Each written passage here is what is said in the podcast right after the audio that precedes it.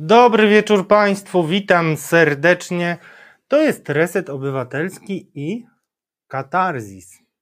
Audycja, którą nadajemy od dwóch lat i która, mam takie wrażenie, powinna już powoli zmierzać ku końcowi. I właśnie dlatego, że takie przemyślenia dopadają mnie coraz częściej, a niebawem będziemy mieli setny odcinek, chciałem, żebyśmy w przyszłym tygodniu zastanowili się, czy takie katarzis, jakie planowałem na początku, kiedy zapraszałem Was do tej podróży, czasami do jądra ciemności, czasami w promienie słońca, ma sens. Bo może tyle się zmieniło, drodzy Państwo, że czas poszukać nieco innej formuły, a może nieco innych źródeł inspiracji, oparcia. To wszystko jest coś, co tą jesienią 2022 roku, jak mówiłem Anno Domini kiedyś, powoduje, że poważnie zastanawiam się nad tym, czy mm, byłoby dalej uczciwie przed państwem starać się bronić coś, co w moim przekonaniu już jest nie do obrony. Myślę, że wielu z Was wie, mm, jakie było moje podejście do Kościoła. Bardzo jasno werbalizowałem je, pisałem o, o tym w książce Hipokryzja. Później była historia księdza Dymera i cały czas jest jeszcze niezałatwiona historia mojej własnej rodziny. Czas najwyższy się z tym zmierzyć, mm, więc myślę, że setny odcinek Katarzis powinien być punktem zwrotnym w naszych spotkaniach. I dlatego, moi drodzy, chciałbym, żebyście byli na to gotowi. Ale dzisiaj, w przededniu końca Katarzis, chciałem Was zaprosić do mm, rozmowy y, przede wszystkim takiej, która na którą ja sam bardzo czekam i to będzie rozmowa ze sobą, która jest w moim życiu bardzo ważna, szczególnie od kilku lat, kiedy zajmowałem się pedofilią w kościele i będzie to pani Lucyna Krawiecka, która w moim przekonaniu jak mało kto nadaje się na osobę, która na przykład mogłaby walczyć z rakiem pedofilii w komisji no, przeciwdziałania pedofilii, tej komisji do spraw pedofilii powołanej przez państwo E, niestety takie osoby są zapomniane, często um, bardzo sekowane ze względu na swoją działalność. Pani Lucyna będzie się łączyła z nami ze swojego domu Podkarpaciu, na Podkarpaciu. Jak wiecie, Podkarpacie jest ostoją PiS. Myślę, że pani Lucyna ostoją PiS nie jest.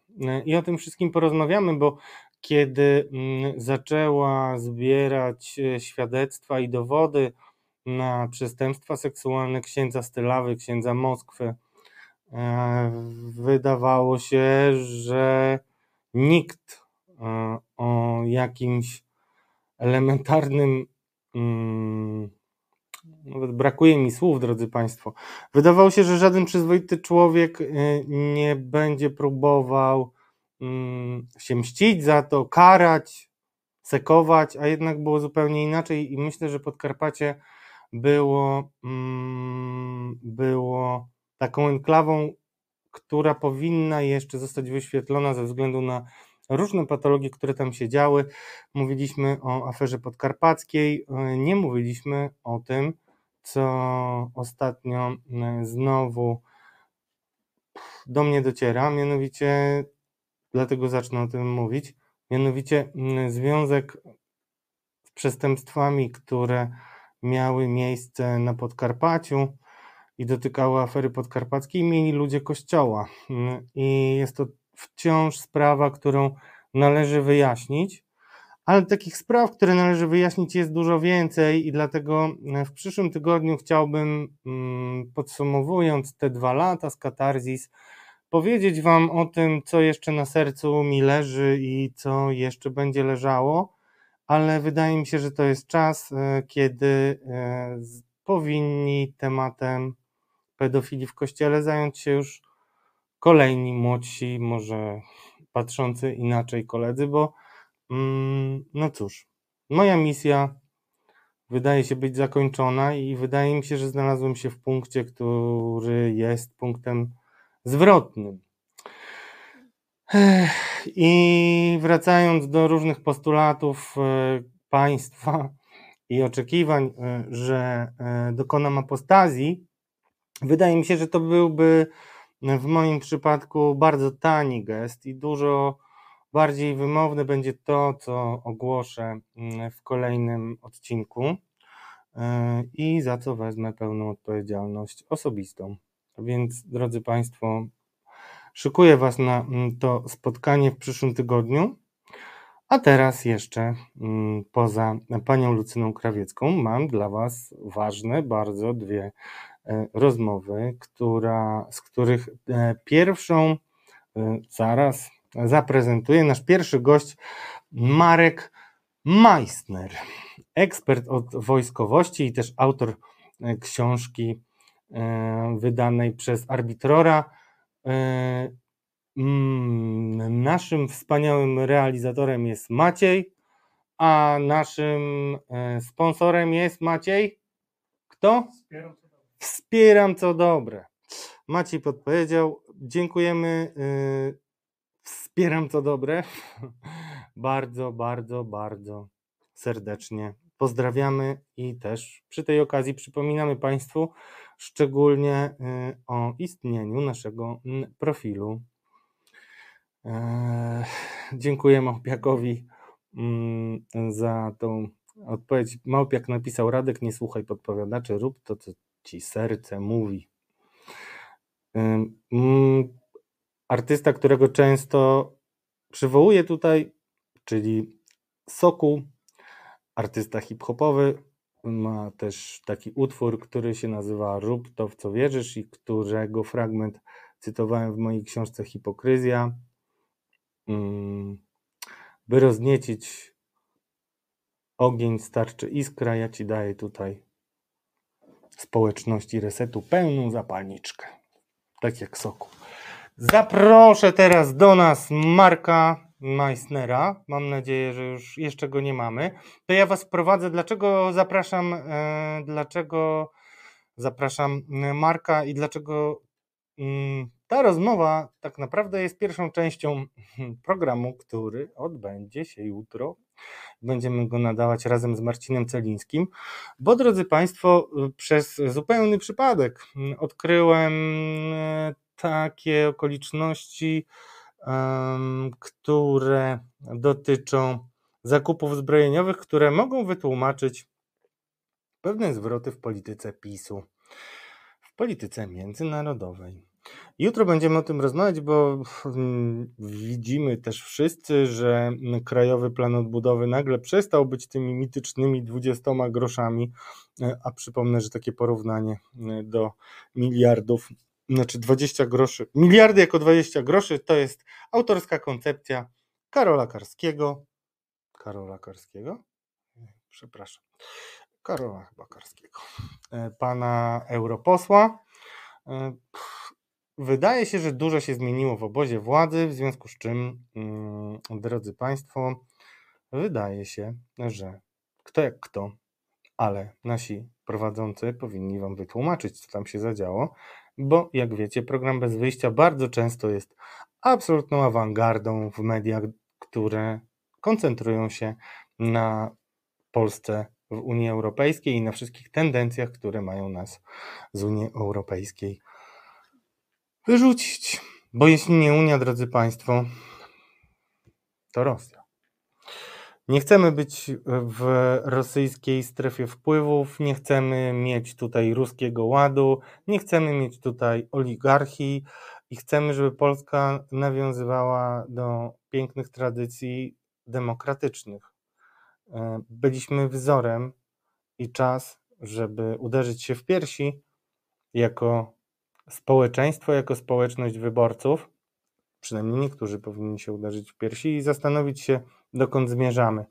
Ja nie mam dzisiaj złudzeń, że e, elektorat PiSu jest w stanie znieść wszystko, ale ten elektorat e, nie zapewni zwycięstwa, w związku z czym to tak naprawdę w Państwa rękach jest to, żeby wytłumaczyć, że pewne przekonania, co do których stara się mm, nas e, w których stara się nas utwierdzać nasza władza, no, są z gruntu fałszywe. I o takich fałszywych, różnych mm, i mało poważnych przedsięwzięciach będziemy rozmawiać.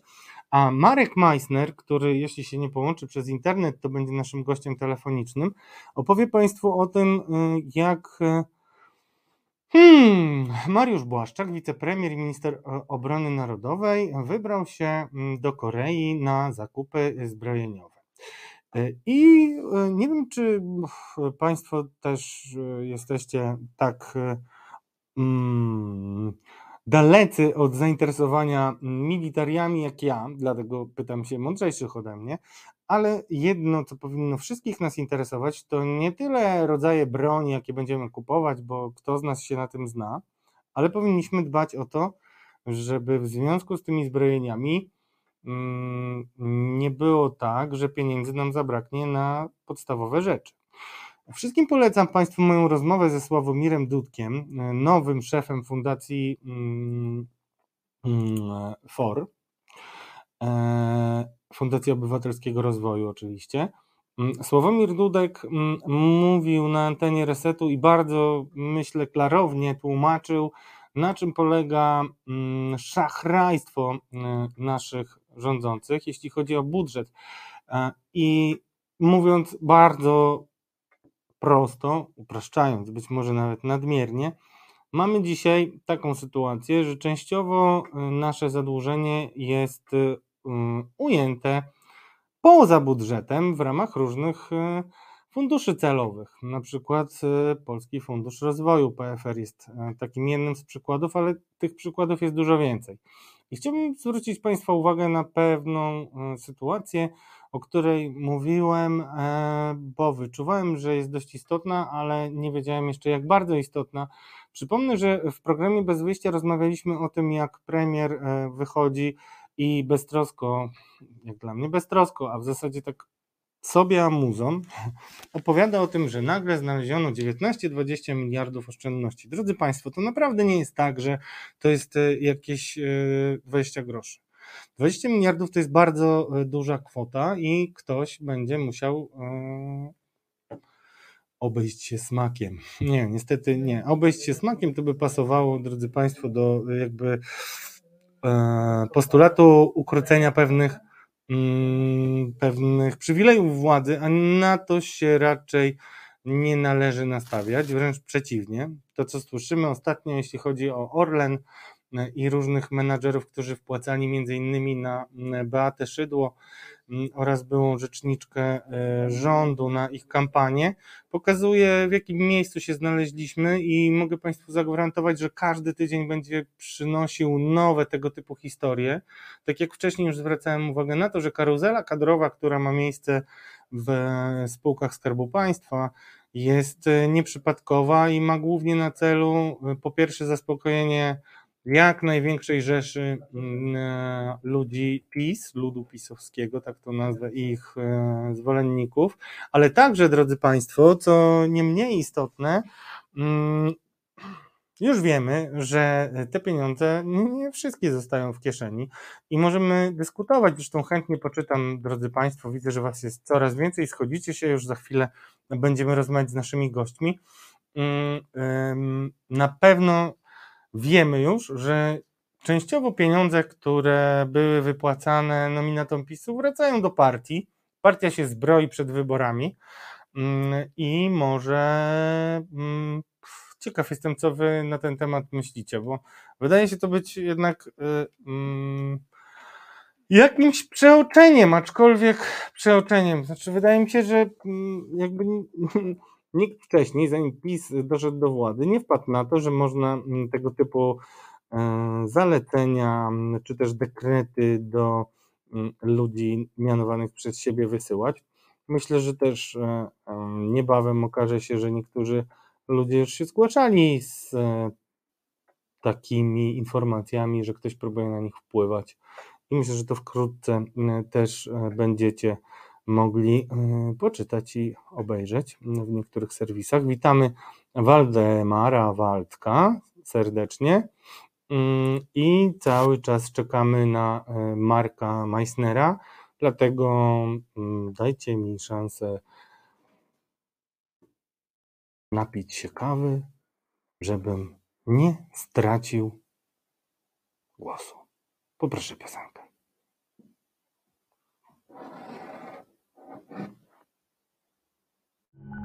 Prawoteka. Sędzie Monika Ciemięga, Jolanta Jerzewska i Marta Korzuchowska-Warywoda z Fundacji Edukacji Prawnej Justitia zabiorą Was do świata pełnego teczek z aktami. Wyjaśnią, na czym polega praworządność, sprawiedliwość, ale także jak uniknąć problemów z prawem. Porozmawiają z zaproszonymi gośćmi, odpowiedzą na Wasze pytania. Nie musicie wstawać. Sąd idzie w poniedziałki o 21 w resecie obywatelskim. I wracamy do Katarzis. Jeszcze Katarzis. Ja nazywam się Radosław Gruca, a mój szanowny gość nazywa się Marek Meissner i wie dużo więcej o wojskowości niż 99,9% naszych obywateli. Zapraszam Marka już do mnie. Dzień dobry Radku, dzień dobry Państwu. Wszystko śmiga u ciebie niczym tak. e, śmigłowce, które nie doleciały do Polski. E, No Marku, właśnie, nie doleciały i pewne te nowe też być może nie dolecą, ale to już jest zupełnie inna sprawa i to już jest sprawa gospodarcza.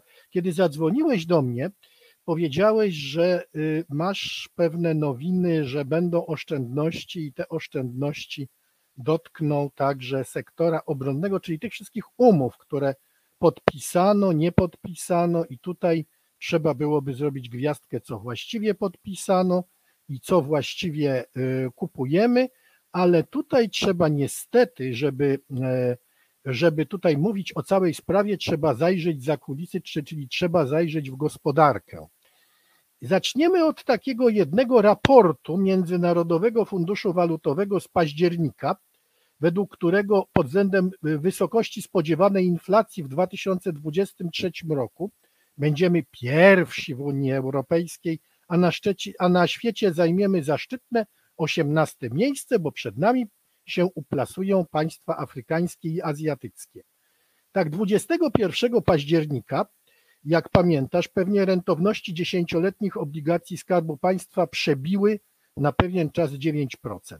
Czyli mamy to przecenę momencik, długu. momencik. je- Jedna, Przecena długu musimy to się wytłumaczyć wiąże z jedną taką, rzecz. zaraz, bo ja, tak, Jedną rzecz bo musimy ja tutaj wytłumaczyć, bo te obligacje, jedną rzecz. Tak, Marku, jedna tak. chwila, tylko jed, żeby było jasne. Marku, jedna Tak. rzecz tylko. Musimy Państwu wytłumaczyć, że to nie jest tak, że my mamy y, skarbiec pełny, wypchany e, pod Oczywiście, tak i jest. bierzemy sobie trzy Tak. worki i wyrzucamy je do Korei. Jak nie, nie, nie. kieszeń Pawła Kukiza po powrocie z Ameryki. Nie, nie, nie, portfel nie jest wypchany dolarami, jest raczej z tym dosyć ciężko i tutaj trzeba od razu powiedzieć, co to znaczy przecena długu. Wzrost kosztów jego obsługi, czyli ile? Dodatkowe 40 miliardów w 2023 roku, choć może ta kwota się jeszcze zwiększyć i tu nie możemy robić żadnej szacher, macher księgowości kreatywnej, to są wydatki priorytetowe.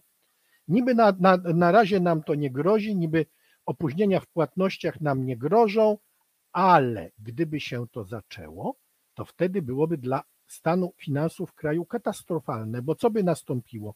Nastąpiłaby błyskawiczna przecena złotego oraz wzrosły CDS-y, czyli takie instrumenty, które wyceniają wypłacalność danego kraju.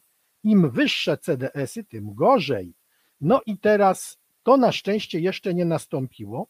Na razie złoty trzyma się jako tako. Na razie inwestorom nie opłaca się grać przeciw polskiej walucie, ale, ale nasz premier Mateusz Morawiecki już powiedział kilka dni temu, że jest przygotowany plan na odchudzenie strony wydatkowej, tak circa about 15 miliardów. Z moich źródeł wynika, że chodzi raczej o kwotę bliższą 25 miliardów i co znaczy, że się będzie cięło. Także wiemy, że stawki na VAT i akcyzę na energię i paliwa wrócą prawdopodobnie do poziomów bazowych na początku 2023 roku, czyli znaczy, że wzrosną. I tu mamy jeszcze jeden haczyk. Według niektórych zapowiedzi poży- potrzeby pożyczkowe naszego kraju w 2023 roku mogą, mogą przekroczyć nawet 350 miliardów złotych. tyle będziemy musieli pożyczyć. Wiadomo, że bierzemy pod uwagę euroobligacje, a nawet obligacje na rynek chiński, a nawet na obszar Zatoki Perskiej, to już są działania dosyć rozpaczliwe. Próbowano y, wypuścić obligacje na rynek amerykański, to się tam udało. I teraz wróćmy do naszych baranów. Będziemy cieli.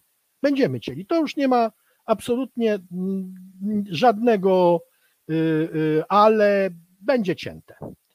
Teraz Ministerstwo Obrony Narodowej, bo jest tam budżet, w budżecie jest tak zwany mm, rozdział 29 poświęcony potrzebom obrony narodowej, ale jest jeszcze coś takiego jak Fundusz Wsparcia Sił Zbrojnych. Otóż na podstawie ustawy o obronie ojczyzny z 11 marca 2022 roku został ten fundusz utworzony, zastąpił do, dotychczasowy Fundusz Modernizacji Sił Zbrojnych i tenże fundusz ma być jedną z trzech obok budżetu i przychodów ze zbycia akcji lub udziałów y, ze y, spółek y, tak zwanego przemysłowego potencjału obronnego, ma być jednym z tych trzech źródeł finansowania pro, pro, programu rozwoju sił zbrojnych, czyli modernizacji. No i teraz w latach 2022-2023 miano z tego funduszu, który jest, uwaga, cały czas mówimy o czymś, co jest bu poza budżetowe, przeznaczyć kwotę 66 miliardów złotych, z czego 54,7 miliarda złotych miały stanowić środki pochodzące z wpływów z emisji obligacji. A co się stało z przetargami na obligacje? No już drugi się nie powiódł. Więc mamy problem.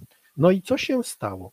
Ministerstwo Obrony Narodowej na Sejmowej Komisji Obrony Narodowej utajniło plan finansowy Funduszu Wsparcia Sił Zbrojnych, przy czym w czerwcu jeszcze ten plan był dokumentem jawnym, co oznacza, no mówiąc w języku potocznym, że coś nie pykło i to nie pykło bardzo ostro. Jest, mamy zasadniczy problem z finansowaniem. A teraz, co trzeba sfinansować? Tomek Dmitru, który jest znakomitym analitykiem budżetu, podliczył nam to bardzo ładnie wszystko. No i co mu wyszło? Że wartość umów wykonawczych dotyczących programu modernizacji technicznej sił zbrojnych bez amunicji, podpisanych do tej pory, przekroczyła 130 miliardów złotych. Zaangażowanie środków na tenże fundusz w latach 2022-2035 przekroczyło 165 miliardów przez samą Agencję Uzbrojenia, co oznacza, że wartość kolejnych umów, według tego, co się mówi, że no tutaj minister był, umowa jest, coś tam miało być podpisane, może sięgnąć 350-450 miliardów złotych. To jest to, na co mówiono, że takie właśnie mamy wydatki, yy, tak właśnie ma wyglądać ta modernizacja techniczna ze wszystkimi zamówieniami koreańskimi, amerykańskimi, tym, co się przewiduje, bliżej nawet powiedziałbym tej kwoty 450 miliardów. To jest oczywiście nie na teraz, to jest rozpisane na no co najmniej 8 lat, ale jednak to są bardzo znaczne koszty, tym bardziej, że większość tych kosztów trzeba będzie ponieść w pierwszych 5-6 latach. Czyli teraz pytanie, co będziemy cieli? No Bo właśnie, chyba to- to jest najważniejsze. Co będziemy cieli? Ano, spójrzmy na to, bo to nie jest decyzja tak naprawdę w tym momencie, w jakim my jesteśmy, to nie jest decyzja, która byłaby decyzją tak najbardziej będącą w gestii wojskowych. To jest wszystko decyzja polityczna. Więc spójrzmy na to, który program jest, ma wielu ojców i wielu popierających, natomiast który program jest sierotą. I od razu co nam Marku, ale to przychodzi? jedno pytanie, jedno pytanie.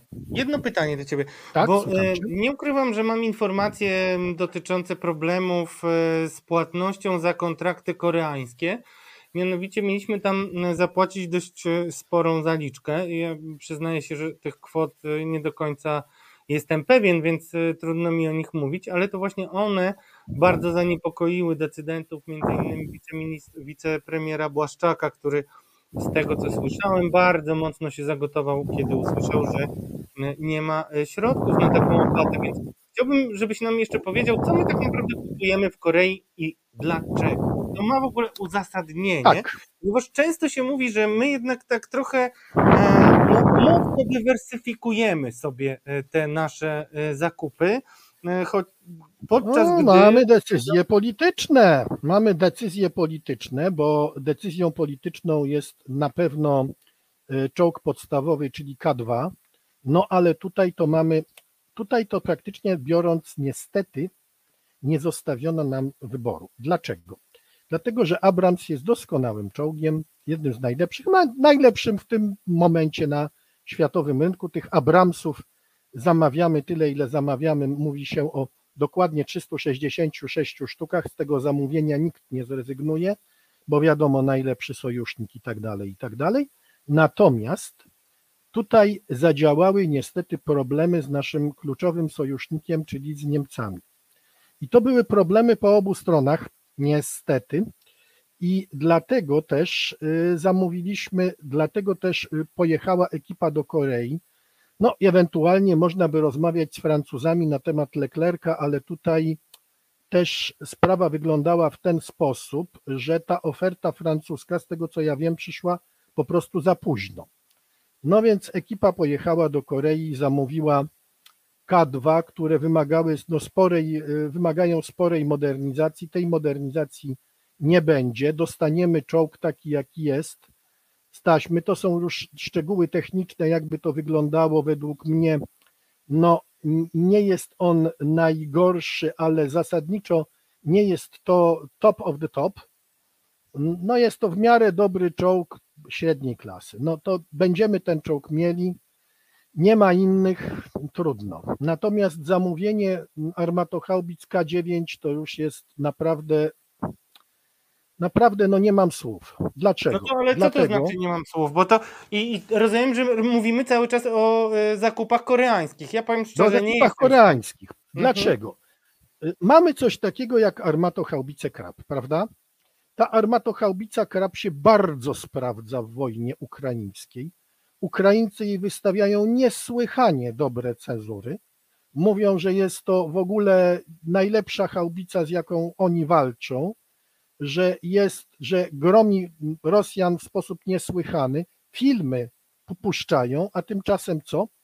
Tymczasem z nienacka dowiadujemy się, że minister kupił docelowo do 600 sztuk, a na pewno będzie to 250 koreańskich porównywalnych haubic K9 Thunder. Przyczyna, według MON, przyczyną jest to, że y, HSW nie ma dostatecznych zdolności produkcyjnych. HSW, Te zdolności która, produkcyjne, która produkowała produkuje, tak? która produkuje kraby, która He- produkuje kraby. Tak. Okej. I teraz wystarczyłoby. Ja rozmawiałem na mm, MSPO, na Międzynarodowym Salonie Przemysłu Obronnego z przedstawicielami HSW. Do przecież HSW od dłuższego czasu mówiło o tym, że konieczna jest rozbudowa zakładu, że konieczne jest zwiększenie możliwości produkcyjnych, a MON odbierał po 20 armatochaubic rocznie można było zwiększyć te, y, te zdolności produkcyjne kosztem zainwestowania 5, góra 10 miliardów złotych. I w tej chwili, po tak, takiej reklamie ze strony Ukraińców, prawdopodobnie HSW nie mogłoby się opędzić od zamówień. Tych zamówień nie będzie, dlatego że w świat poszedł czytelny sygnał, że polski MON nie wierzy w polskie haubice i zamawia koreańskie. Mało tego, że nie wierzy, zamawia dwa dywizjony mm, tych haubic, to jest łącznie y, 30 wozów wsparcia, mm, do 64 podstawowych, czyli to jest kropla w morzu, a K9 będzie w pierwszym etapie przynajmniej 250, a docelowo do 600. Marku, ale Nie wiadomo, powiedz czy tyle będzie. Nie wiadomo, czy tyle będzie, ale wiadomo, że o takich liczbach wspominał minister. Nawet 672 było. była Marku, ale to powiedz nam jeszcze jedną rzecz. Okej, czyli tak, nie chcemy z HSV, HSW e, armatochaubic, kupujemy je w Korei, nie, nie bardzo Tak. wiemy dlaczego, tak, ze względów politycznych, ale Tak. jakie to są dokładnie względy, to trudno dokładnie chyba mm, zrozumieć. Przepraszam, chociaż chyba, że chcesz nam powiedzieć o swoich podejrzeniach, ale ja cię chciałem spytać, bo ja myślę, że większość z nas wie, armaty haubice i jak one mają nas obronić, czy one są, ma, mają walory obronne, czy tak naprawdę one mogą być używane do, dopiero w momencie, kiedy ktoś nas napadnie, tak jak Rosja napadła Ukrainę. Co jest królem pola wojny, pola walki na Ukrainie? Artyleria. Przede wszystkim artyleria. Nie te oddziały z mechu, tylko właśnie artyleria, która jest powiązana z systemem rozpoznania we wszystkich warstwach, od tej najwyższej, rozpoznania na wysokim pułapie, poprzez te niskie, dronowe, które wypatrzą ci pojedyncze czołgi i wskażą je jako cel dla artylerii. I w takim razie te armatochaubice są niezastąpione, ponieważ to jest ostrzał na mm, dystansie od powiedzmy 10 do nawet przy pociskach z gazogeneratorem 50 km. I to jest bardzo celny ostrzał. Bardzo celny do tego stopnia, że może trafić na taką odległość w pojedynczy czołg. Czyli jak to jest, jakie to są możliwości. Bateria tego typu armatochaubic to jest naprawdę ogromna siła. Ona jest równa mniej więcej dwóm, trzem bateriom zwykłej artylerii holowanej, która nie ma takich możliwości. Tym bardziej, że tam są stosowane pociski y, y, programowalne, y, które są, tak to się brzydko mówi, dedykowane na określone cele, kierowane na określone cele. To są na przykład pociski Excalibur, ale Polska robi też takie pociski AP-155 i miejmy nadzieję, że one wejdą do produkcji, bo od Excaliburów się za bardzo nie różnią. I teraz posiadanie takiej y, artylerii to jest wielka przewaga na polu walki od momentu, kiedy nieprzyjaciel przekroczy nasze granice.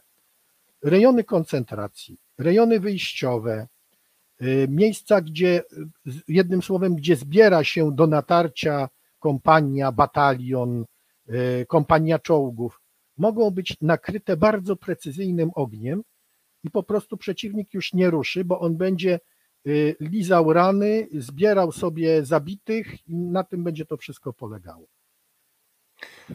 Marku, to powiedz nam jeszcze, dlaczego Korea? Bo przyzwyczailiśmy się, że naszym czołowym partnerem są Stany Zjednoczone. No, ja jeszcze pamiętam, że przecież takim celem, zresztą Lecha Kaczyńskiego między innymi, jednym z głównych celów było były dwa główne cele. Sprowadzenie wojsk amerykańskich e, nad Wisłę, żeby amerykańscy żołnierze stacjonowali u nas, bo to zwiększa nasze bezpieczeństwo, a drugie to już pewnie zapomniana, ale kiedyś bardzo słynna tarcza antyrakietowa. To zupełnie inna e, e, może, jak to powiedzieć, zupełnie inny rodzaj zbrojeń, tak? I zupełnie inna broń niż armatochaubice. A my dzisiaj tak naprawdę zupełnie to odpuszczamy. Co zmieniły się czasy, zmienił się, yy, zmienił się styl e, wojowania, jak to w ogóle wygląda. Zaraz, jeśli tylko Marek e, wróci, e, będzie mógł nam na to pytanie odpowiedzieć, a ja od razu chciałem jeszcze Wam powiedzieć, widziałem taką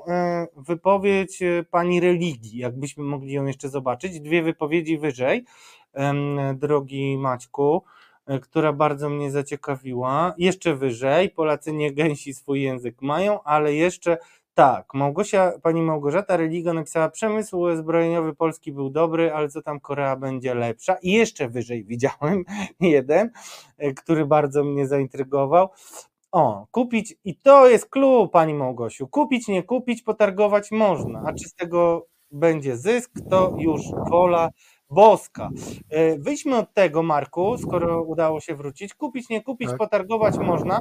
Czy z Koreańczykami da się potargować i czemu akurat tam musieliśmy się zwrócić? Bo to e, myślę, że w większości naszych resetarianek i resetarian e, nie, nie, niewiele, mm, no, nie, trudno sobie było wyobrazić, że akurat w Korei będziemy kupować sprzęt zbrojeniowy.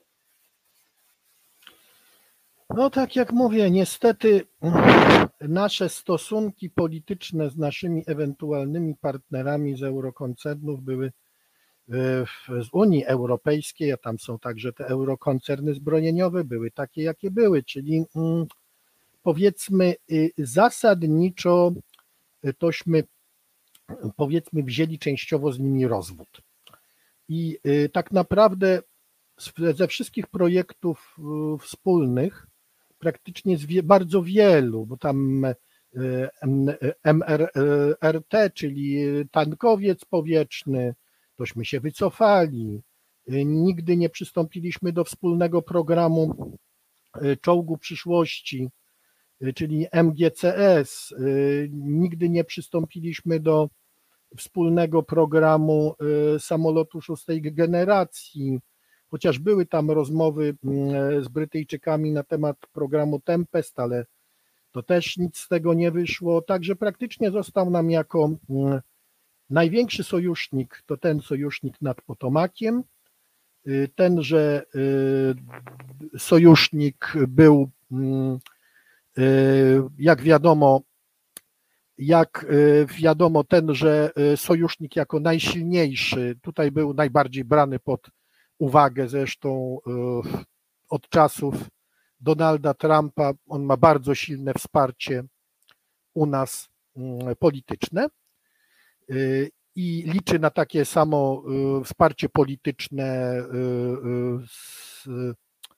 tutaj, jeżeli chodzi o naszą, nasz, nasz, nasz rząd oraz zakupy zbrojeniowe. No więc tak naprawdę nie pozostał nam żaden inny wybór, tylko y, szukanie źródeł zaopatrzenia dosyć egzotycznych. Korea tutaj była w miarę naturalnym wyborem, z tego względu, że y, nasza prawica ma tam bardzo wiele kontaktów jeszcze wywodzących się z czasów pierwszego PiSu, tych 2007 y, rok mniej więcej, no i ja myślę, że te kontakty odnawiano, odnawiano systematycznie gdzieś tak mniej więcej od 2017-18 roku.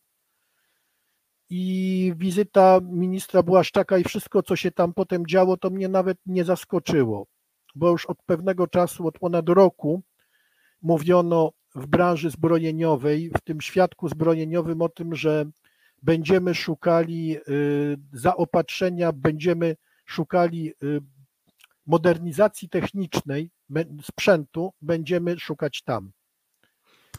I mówiono jednoznacznie: Ameryka albo Korea. Raczej Europa nie wchodziła w grę. Okay. No, żeby, żeby powiedzieć y, zdecydowanie dlaczego, to oczywiście musielibyśmy się cofnąć do ministra Kownackiego i owego słynnego y, uczenia Francuzów jedzenia widelcem, ale ja myślę, że to była tylko wisienka na torcie, tam było wiele innych spraw. Z drugiej strony pamiętajmy o tym, że było coś takiego jak program y, modernizacji Leoparda, naszego czołgu podstawowego kupionego od Niemców y, do standardu Leo 2.pl, który to program zawalili zarówno Niemcy, jak i zawaliliśmy my. Tam było bardzo wiele mm, e, napięć, iskrzeń. Ten program idzie bardzo powoli, e, do kilkudziesięciu sztuk rocznie, dwudziestu, trzydziestu.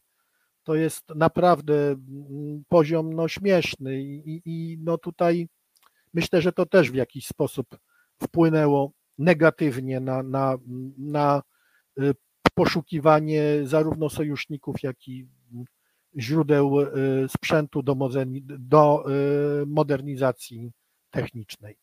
No i ostatnie pytanie, bo nam e, wcięło, a musimy niestety kończyć. Marku, a co się stało z tą tarczą antyrakietową? Pamiętasz, bo generalnie była wielka dyskusja i wielkim marzeniem Lecha Kaczyńskiego między innymi była tarcza antyrakietowa, która miała mieścić się w Polsce. Było to... Ależ jest, jak najbardziej jest Naval Station Facility w Redzikowie y, swoje zadania pełni, y, gdzie jest, to jest tak naprawdę część rozpoznawcza, czyli radar i systemy obserwacji. Z tego, co wiewiórki, co po niektóre mówią, odgrywa też wielką rolę w przypadku wojny ukraińskiej. Natomiast jeżeli chodzi o e, ewentualną obronę, e, to tylko w tej chwili, takim stanie, w jakim jesteśmy, no to byłaby obrona wysokiego pułapu amerykańska i tylko obszarowa, tylko nie, tylko nie, niektórych miejsc, nawet bardziej punktowa. Ale tutaj to jest zupełnie inna sprawa. My musimy mieć dobrą obronę przeciwlotniczą, bo działania na Ukrainie pokazują, jak szalenie ważna jest obrona przeciwlotnicza. Gdybyśmy, y, gdybyśmy y, powiedzieli, co jest najważniejsze w tej wojnie, to najważniejsze są dwie rzeczy: artyleria i obrona przeciwlotnicza. Co zresztą widać, Ukraińcy się uczą, strącają masę rakiet kierowanych, strącają masę y, tych dronów kamikadze, natomiast część z tych dronów dalej osiąga swoje cele i infrastruktura ukraińska jest niszczona. Ale to jest tego typu sprawa, że znowu Ukraińcy się uczą i ja myślę, że te straty będą coraz mniejsze. I dlatego trzeba powiedzieć wprost, artyleria przeciwlotnicza, rakietowa i lufowa jest y, poza artylerią holowaną i samobieżną królem pola walki. I taką musimy mieć. Dziękujemy Ci, Marku, za ten wykład. Nie wiem, czy wiesz, ale masz bardzo wielu fanów e, swojej mm, fachowości. Bardzo mi miło. E, na czacie, więc chyba musimy e, Ci przyznać stałe wojenne okienko. A wiem, że drodzy Państwo, jeszcze o sprzęcie będziemy nieraz rozmawiać. Bardzo Ci dziękuję, że znalazłeś czas. Marek Meissner, ekspert dziękuję od bardzo. Serdecznie pozdrawiam. E, wyglądasz Dziękuję bardzo. bardzo. Pozdrawiam Ciebie, Radku, oraz Państwa. Dobrej nocy. No, drodzy Państwo, e, w ten sposób e, cieszę się, że cały czas dołączacie do naszego programu, bo jeszcze nie zapowiedziałem Wam niespodzianki, choć jeśli czytacie zapowiedzi, to może już wiecie, że też będzie dziś mój ulubiony temat, czyli miłość, miłość i miłość. Ale zanim ta miłość, e, poproszę moją ulubioną muzykę Biop-Hop, która wcale mi się nie nudzi e, i bardzo chętnie ją używam. I tutaj tak poprosimy, poprosimy siódemeczkę, e, siódemeczka Biop-Hopa, specjalnie dla resetu zrobiona muzyka i ja ją bardzo lubię, dlatego Was zachęcam do tego, żebyście też jej posłuchali. A jak już się skończy, zapraszam, połączymy się z Lucyną Krawiecką.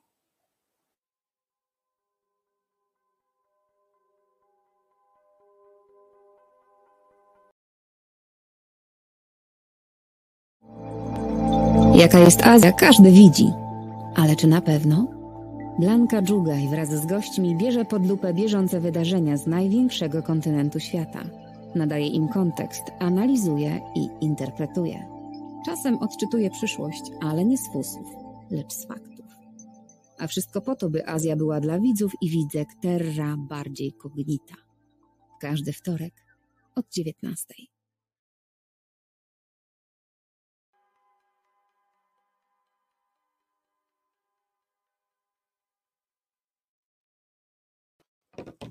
Witam serdecznie. Drodzy Państwo, nie ma co tutaj y, mówić po próżnicy. Trzeba powiedzieć, że naszą gościnią jest Lucyna Krawiecka, wyjątkowa dla mnie osoba i moim zdaniem wyjątkowa osoba dla nas wszystkich, którzy przeciwstawiamy się rakowi pedofilii y, w kościele i nie tylko w kościele, ale my mm, możemy to robić symbolicznie, a Lucyna Krawiecka zrobiła to mm, samodzielnie i zupełnie niesymbolicznie.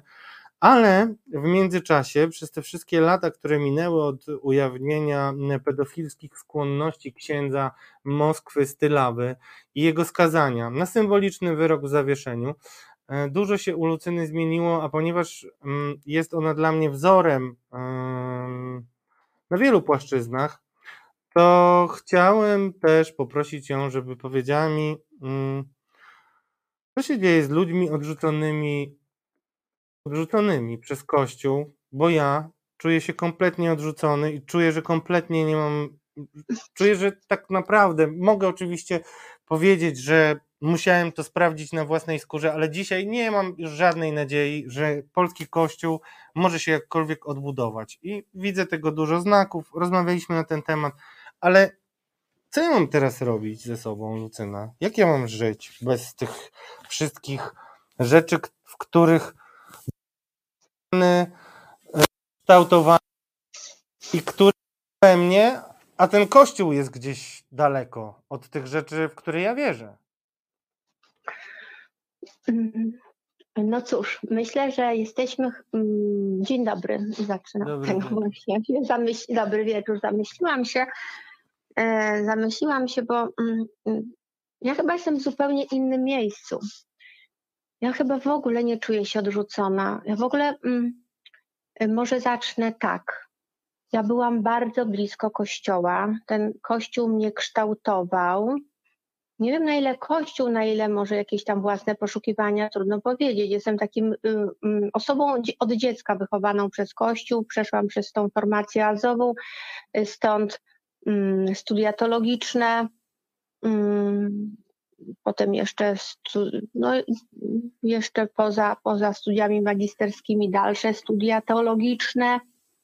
Y, Generalnie to był mój świadomy wybór, i zawsze byłam osobą bardzo racjonalną. Kiedy zaczęłam ten kościół, przepraszam, muszę tu powiedzieć, kościół to dla mnie nie jest jednoznaczne słowo. Kościół dla mnie to są dwa różne, dwa różne obszary.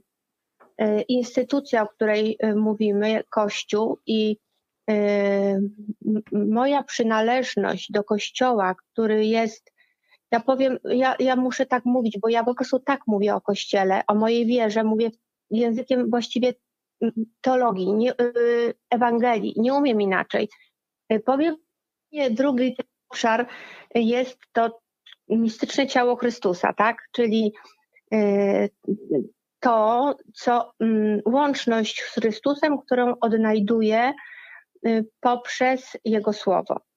Y, Pewnie y, ktoś mógłby mi zarzucić, że tutaj odeszłam w kierunku protestantyzmu. W ogóle mnie nie interesują w tej chwili żadne takie denominacje, żadne instytucje. Obszar, instytucja Kościół, z którym mm, nie czuję się odrzucona, dlatego że y, ja, ja dojrzałam do tego, żeby zrozumieć, że ten Kościół nie ma nic wspólnego z tym Kościołem, do którego chcę należeć. Chcę należeć y, do Chrystusa, chcę należeć i jestem osobą bardzo wierzącą. Powiedziałabym nawet, że y, chyba wi- wiara kształtuje cały czas moje życie, ma na, na nie ogromny wpływ. Jest mi z tym dobrze, ja jestem osobą naprawdę dojrzałą mm, i, i dobrze się czuję w tym kościele, czyli będąc wierna Jego słowu, które mam w Ewangelii. W którymś momencie uświadomiłam sobie, że ja do, muszę dokonać wyboru. Y, Czy będę tak wygodnie, tak wychowana, przyzwyczajona, taka moja tradycja, poczucie bezpieczeństwa, strefa komfortu, tak? Kościół idziemy, komunia, ksiądz, odpółka, spowiedź. To takie bezpieczne, takie domowe, takie od zawsze, wszyscy tak robią, ja zawsze to robiłam, jest zawsze wszyscy, jest super, tak? I nagle stoję, stoję przed dylematem. To nie jest Kościół. To jest instytucja, no jest jakoś ma rolę społeczną, polityczną, mm, różne ma role, tak, na tej płaszczyźnie socjologicznej to ja tu widzę taką instytucję, która może być potrzebna na pewno, ale nie, nie wnikam, to jest inny temat. I nagle stoję przed dylematem, moje sumienie mówi, dla swojej wygody, żeby nie wychodzić ze strefy komfortu, idziesz do tego kościoła, a czujesz całą sobą, że to nie jest w ogóle zgodne z tym, co Chrystus nauczał. To jest. I tu nie chodzi o grzech jakiegoś człowieka, bo ja nie dojrzałam do odejścia tego kościoła po aferze pedofilskiej. Absolutnie. Chodzi o postawy. To, to co Chrystus w Ewangelii mówił. Grzesznik, celnik, jawnogrzesznica nie przed wami wejdą do Królestwa Bożego i on się nie pastwi nad grzesznikami. Absolutnie. Idź. Wszystko będzie dobrze, wszystko w porządku. Miłowałaś, to ci dużo będzie odpuszczone. Nie ma problemu. Ja też nie mam problemu z grzesznymi ludźmi w kościele. Często się zarzuca, a bo są grzeszni, no ale człowiek dojrzały, wierzący wie, że poza tym grzesznym człowiekiem jest coś więcej. W kościele instytucji, ja nie wiem, czy jest coś więcej. Znaczy ja czuję, że na tym się kończy. To są postawy, to jest kwestia postawy. Jak Chrystus odnosił się do faryzeuszy? Postawa, cynizm, cwaniactwo, kombinowanie. I on, mm, nie wiem, jeżeli są wśród słuchaczy ludzie, którzy znają Ewangelię, wiedzą, jak bardzo y, brzydko mówił do faryzeuszy, groby pobielane, plemię żmijowe, strzeżcie się ich jadu, y, gdzie do, do, do, do tych grzeszników zwracał się że nie widział ich grzechów. Nie miał z tym problemu. Ja rozróżniam postawę od grzechu. Grzech księdza y, pedofila, z którym miałam do czynienia, nie spowodował, że ja od z kościoła odeszłam, tak? Tu mm, generalnie postawa, nie księży, tej instytucji, którą tworzą ludzie. Ja tam Boga nie widzę. Dlatego y, ja nie zostałam odrzucona. Ja po prostu, ja dojrzałam, dojrzałam. Ja nie robiłam żadnej przemocy na swojej wierze, na swojej duchowości. Ja tylko zrozumiałam, że to jest moja strefa komfortu. Siedzę, bo się w tym wychowałam. No to tak jak człowiek, kurczę, jest przyzwyczajony do czegoś, to to robi całe życie, bo mu w tym wygodnie. W którymś momencie wyrastamy z tego. To było dziecięce. To było tylko pozorne. Zobaczyłam, że Kościół prawdziwy, trwanie w jego mistycznym ciele, w tym krzewie winnym, tak, to jest zupełnie inny obszar. To jest obszar duchowości. To nie jest obszar żadnych materialnych y, symboli, czynów, y, obrzędów. To jest obszar miłości. I to jest bardzo konkretny, bo o tym obszarze miłości Chrystus całą Ewangelię kółko powtarzał i mówił. No i, i dlatego y, ja tym bardziej jestem uważna na to, żeby być w Kościele Chrystusa, w tym duchowym, poprzez właśnie Jego Słowo. Czytam, przeglądam się w nim jak w lustrze i znajduję Go, bo jak możecie miłować Boga, którego nie widzicie, jeżeli nie miłujecie człowieka, którego widzicie. Jest miejsce, żeby czynić Jego Kościół wszędzie, w każdym momencie życia mam taką możliwość. To są uchodźcy na granicy białoruskiej, to są uchodźcy z Ukrainy, to są porzucone zwierzęta, to są dzieci y, y, porzucone, to są ludzie y, w trudnych sytuacjach życiowych, to są ludzie w depresji. Cały świat jest pełen po prostu Chrystusa, który cierpi w tych ludziach. On to powiedział, nie uczyniliście to wszystko. No dla mnie to jest proste, jestem bardzo racjonalnym człowiekiem. Ja się czuję bardzo dobrze poza kościołem, bo ja jestem w prawdziwym kościele. Ja się czuję, jestem, nie potrzebuję żadnej denominacji, nie potrzebuję żadnej instytucji. Znaczy, ja sobie mogę wejść do tego kościoła. Ale... Ale wiesz co, Lucyna, ja e, przepraszam, że ci wchodzę w słowo. E, wielu naszych słuchaczy, szczególnie ci, którzy się teraz włączyli, ma taki e, dysonans poznawczy i czuje się trochę ewangelizowanych, e, a chyba zarówno ty, jak i ja jesteśmy po pierwsze poza Kościołem, między innymi z tych wszystkich e, powodów, które Państwo wymieniacie na czacie, e, bo mocno je krytykujemy, ale chcemy Państwu, ja przynajmniej chciałem, e, zapraszając Panią Lucynę, Lucynę, z którą jestem po imieniu, pokazać, że nie trzeba tracić duchowości. Ja wiem, że ja doskonale rozumiem taką też alergię nawet na słowo Chrystus. Ja to doskonale rozumiem, bo ja to pamiętam, jak miałem e, dwadzieścia kilka lat i e, próbowano mnie ewangelizować, jak ja miałem białą gorączkę e, z tego powodu, że ktoś mi coś narzuca, a ten Chrystus był takim sposobem, to słowo, tak, to było dla mnie takim sposobem do tego, żeby mnie do czegoś przymusić, ale ty zupełnie inaczej postrzegasz Chrystusa, a chcę... Ja, ja mówię chcę... to, co czuję. Ja mówię to, co czuję, bo ja jestem osobą tak. Ale, ty, ale, ale Lutyna, jedna rzecz, bo to jest, bardzo bym chciał, żeby to wszyscy Państwo usłyszeli. To nie jest tak, że chrześcijanie, że ludzie wierzący w Boga, nieważne co, kojarzy, co, co wy o tym sądzicie, ale będą zmuszać, że to jest jakimś DNA chrześcijaństwa, że będziemy zmuszać, chrystianizować, z mieczami iść na krucjatę, żeby wszystkich przekonać do tego, że tylko jest jeden model życia i tędy podążajcie. Zgadzasz się ze mną, czy nie? To znaczy, no w ogóle to jest jakiś absurd. No mnie się wydaje, że to jest w ogóle, nawet chyba nie musimy o tym mówić, że to nie jest żadne chrześcijaństwo. No przepraszam, kto założył Kościół? Chrystus, tak? No, uży, no to Chrystus, no nie, nie powiem inaczej, Chrystus. On założył chrześcijaństwo, i, ale on nie zakładał instytucji. Myślę, że y, jak się czyta Ewangelię, no bo ja nie będę tutaj dodawać nic do tego, bo ja, ja mam alergię na to, kiedy jacyś tam księża, biskupi mówią, bo Bóg tak chciał i tak myślał i tak zrobi, tego zbawi. Strasznie mnie to denerwuje. Wczoraj usłyszałam jakieś przemowę jakiegoś mm, y, któregoś z tych, tych hierarchów prawosławnych moskiewskich, którzy tłumaczyli temu biednemu ludowi w cerkwi, że Bóg chciał ukarać naród ukraiński i Rosjanie zostali we- wezwani, żeby skarcić naród ukraiński. My jesteśmy tym biczem Bożym. Ja sobie tak słucham, co ten człowiek y, pieprzy. Przepraszam bardzo za to słowo, ale to nie da się po prostu inaczej.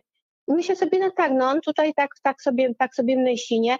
I tak sobie uświadomiłam, że tego Boga ci różni ludzie, ci często doktorzy kościoła, inni biskupi, inni hierarchowie, w swoim małym muszczku sobie tak sobie coś go stworzą, tak sobie wyobrażają, nie, że on nas powołał, żeby naród ukraiński ukarać. No i oni sobie tak i tak mówią, bo oni właściwie też tak mówią, Bóg to zrobi, Bóg tak będzie patrzył, a na tych będzie inaczej patrzył. A przecież my mamy w Ewangelii, jak jest Bóg, tak? I, I właśnie ja sobie uświadomiła, że y, co innego ludzie, którzy nie chcą kościoła, którzy gdzieś tam wiarę czy duchowość utożsamiali z instytucją, instytucja obrzydła im, bo są na tyle inteligentni, no, że, że widzą, tak, I, i, i, i widzą, co się w tej instytucji dzieje, więc odchodzą. To jest dla mnie właściwie no, słuszne, tak? Bo, bo, bo nie na, no, no, no, no trzeba, my jesteśmy dojrzałymi ludźmi i musimy być tam, gdzie chcemy być, a nie tam, gdzie ktoś nas przymusza, tak? No więc odchodzą z tego kościoła. Oni nie mają wtedy, mm, nie wiem, mogą żyć bez duchowości, mogą y, szukać jej gdzie indziej. Jest mnóstwo w tej chwili sytuacji, gdzie ludzie szukają przeróżnych form duchowości, yoga, buddyzm, nie wiem, jakieś tam y, religie słowiańskie lub jeszcze inne. Y, I nie oceniam, mnie się zdaje, że, że, że duchowość jest ok i każdy szuka tego miejsca, gdzie chce. Nie, nie mnie to w ogóle ocenia, zresztą mi się nawet może i to podoba, bo ja nie myślę, znaczy ja, jest, ja mówię o ludziach, którzy są wierzący. Nie chcą zostawić tego kościoła, bo mówią, ten kościół jest przecież mój, a to, że oni grzeszą, to, no to, no to grzeszą, ale ten kościół, no ale sięgnijmy do początku, tak? Zaraz już po tym czwartym wieku, kiedy ten kościół zaraz bardzo szybko, kiedy się zbratał z tymi rządzącymi, z tymi królami, cesarzami, władcami, ten kościół przestał być znakiem mm, Ewangelii, tak? Więc dla ludzi wierzących y, logiczne i rac- rozsądne i racjonalne jest to, że, że, że może to właśnie w ogóle nie jest Kościół, to jest taka instytucja nazywana Kościołem. To zależy, czy mówimy o wierze, czy mówimy o przynależności do instytucji, która daje nam poczucie bezpieczeństwa, taka instytucja obrzędowo-ceremonialna tutaj celebruje przyjście na świat, celebruje związanie się dwóch ludzi w związku małżeńskim, celebruje odejście, no to taka instytucja jest potrzebna, starsi ludzie tam mogą spędzać czas, jest to też im potrzebne, takie społeczna rola kościoła, to wszystko, to, to można tu rozważać, tak? Natomiast Jasne. ja mówię o, o, o wierzących ludziach. Ktoś, kto odchodzi z kościoła, bo utożsamiał y, y, wiarę z kościołem, no to y, nie wiem, co zrobi. Nie wiem, No. co zrobi. Ja nikogo nie będę y, zmuszała do, do, do, szukania, y, do szukania duchowości. No ja mam tą duchowość moją ewangeliczną, tak? Ja się czuję bezpiecznie w mojej przestrzeni. Ja się czuję w kościele takim, który założył Chrystus. Ja czytam Ewangelię, upewniam się, czy na pewno y, idę jego drogą, tak? Czy jestem y, na dobrej drodze. Nie chodzi o to tutaj, żeby liczyć sobie te grzechy, tylko chodzi o to, żeby, tak jak powiedział Chrystus, kto bardzo ukochał, to, to temu, temu się daruje. Więc te grzechy, to w ogóle cała ta kultura grze, grzechów w Kościele jest w ogóle jakąś kompletną pomyłką. Chrystus w ogóle tego nie robił, w ogóle Lu- nikomu tych grzechów nie wyliczał. Lucyno, niestety musimy kończyć. Ja mam taką do ciebie prośbę i tutaj bardzo przepraszam Państwa, będziemy musieli kończyć, bo mamy jeszcze jedną rozmowę, ale powiem szczerze, dostaliśmy tyle pytań różnych i opinii, z którymi chciałbym Cię skonfrontować, że nie chciałbym nawet zaczynać, ale obiecuję Państwu i bardzo Cię proszę, Lucyno, jakbyś się mogła jeszcze pochylić nad tymi opiniami już po naszym programie, który Ci przekażę, żebym mógł je jeszcze omówić, to będę Ci bardzo wdzięczny, bo, bo widzę, że tutaj bardzo dużo mm, troch, no, nieporozumień, em, jeśli chodzi o Twoje słowo, a wiem, że masz to wszystko przemyślane. Także bardzo No Ci dziękuję znaczy- już dzisiaj i, i bardzo Cię No, proszę, żebyśmy odłożyli mm, tę. Naszą rozmowę i dokończyli ją jeszcze w kolejnej odsłonie Katarzis, dobrze? Mhm, tak, oczywiście. Bardzo Przepraszam, dziękuję, się Lucyno. rozgaduję, ale to jest temat, który mi zawsze jak wejdę, to nie, nie, nie potrafię się po prostu... Ale nie, to dla, dlatego zrobimy to inaczej. Drodzy Państwo, Lucyna, e, Lucyna Krawiecka e, powiedziała Wam trochę o tym, e, o moich rozterkach i pewnie o rozterkach Lucyny. Ja widziałem, jak reagowaliście na mm, to, o czym mówiła, więc przekażę Wasze opinie Lucynie i wrócimy do tego na ostatnim odcinku Katarzis. Dziękuję bardzo, Lucyno. Yy, Dobrej Dziękuję. nocy Ci życzę tymczasem. Dobranoc. I drodzy Dobranoc. Państwo, no cóż, wiem, że niektórzy z Was poczuli się y, skonsternowani, w związku z czym teraz będzie coś, co na pewno Wam osłodzi tę e, religijną otoczkę, w której przez chwilę się znaleźliście. Czysty seks, czysta polityka. Już za chwilę rozmowa z autorką Tinder Bali i córką posłanki PiS, która sama o sobie mówi, że monogamia nie jest dla niej, a może jest takich ludzi też więcej, dla których monogamia absolutnie nie jest czymś, do czego są stworzeni. Już za chwilę rozmowa, a ja się już e, na razie pożegnam i będę z Wami na czacie. Myślę, że mm, Kasia Pieluszka zadowoli Was wszystkich. Marcin Celiński i Radosław Gruca zapraszają na wyjątkowy i jedyny w polskich mediach program o procesie wyprowadzania Polski z Unii. To nie zaczęło się dziś i nie skończy jutro, to działania trwające od lat. Obnażymy twórców i apologetów polexitu. Pokażemy kalendarium tego projektu, skonfrontujemy propagandę z faktami. Bez wyjścia. Co czwartek od 19 w resecie obywatelskim.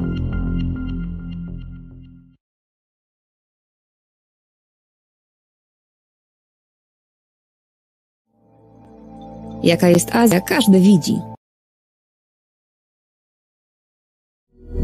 Jeśli do haseł o prawach kobiet jednym tchem dołączamy prawa człowieka, to dlaczego na świecie za uniwersalne uznaje się to, co męskie? Przyglądamy się nie tylko feminizmowi i patriarchatowi, ale przede wszystkim rzucamy rękawice niesprawiedliwościom społecznym i opresyjnej kulturze, które dotyczą nas wszystkich. To jest wojna. Z Dominiką Kasprowicz. Każdy czwartek od 21 w resecie obywatelskim.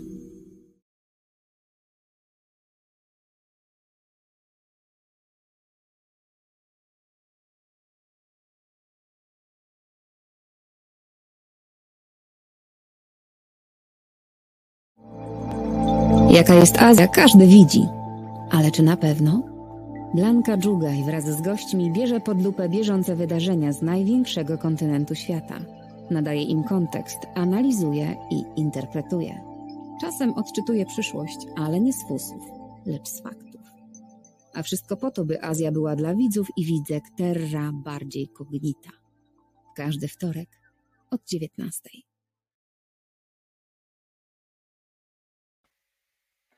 Dobry wieczór Państwu, to jest Katarzis i nagrywamy właśnie e, rozmowę z autorką e, książki Bali Tinder. E, Książka narobiła swego czasu pełny tytuł, co ważne, nazywa się Bali Tinder, Wolność i Relacje. Autorką jest Kasia Pieluszka, która specjalnie dla Państwa przyjęła zaproszenie i rozmawia z nami z daleka. Dobry wieczór, y, Katarzyno. A, cześć, słabo Cię słyszę. Niestety siedzę teraz przy ulicy, nawet się zastanawiam, czy się nie przenieść do środka. Mam nadzieję, że Wy mnie dobrze słyszycie. Słyszymy Cię bardzo dobrze, a ja się postaram mówić jeszcze trochę głośniej.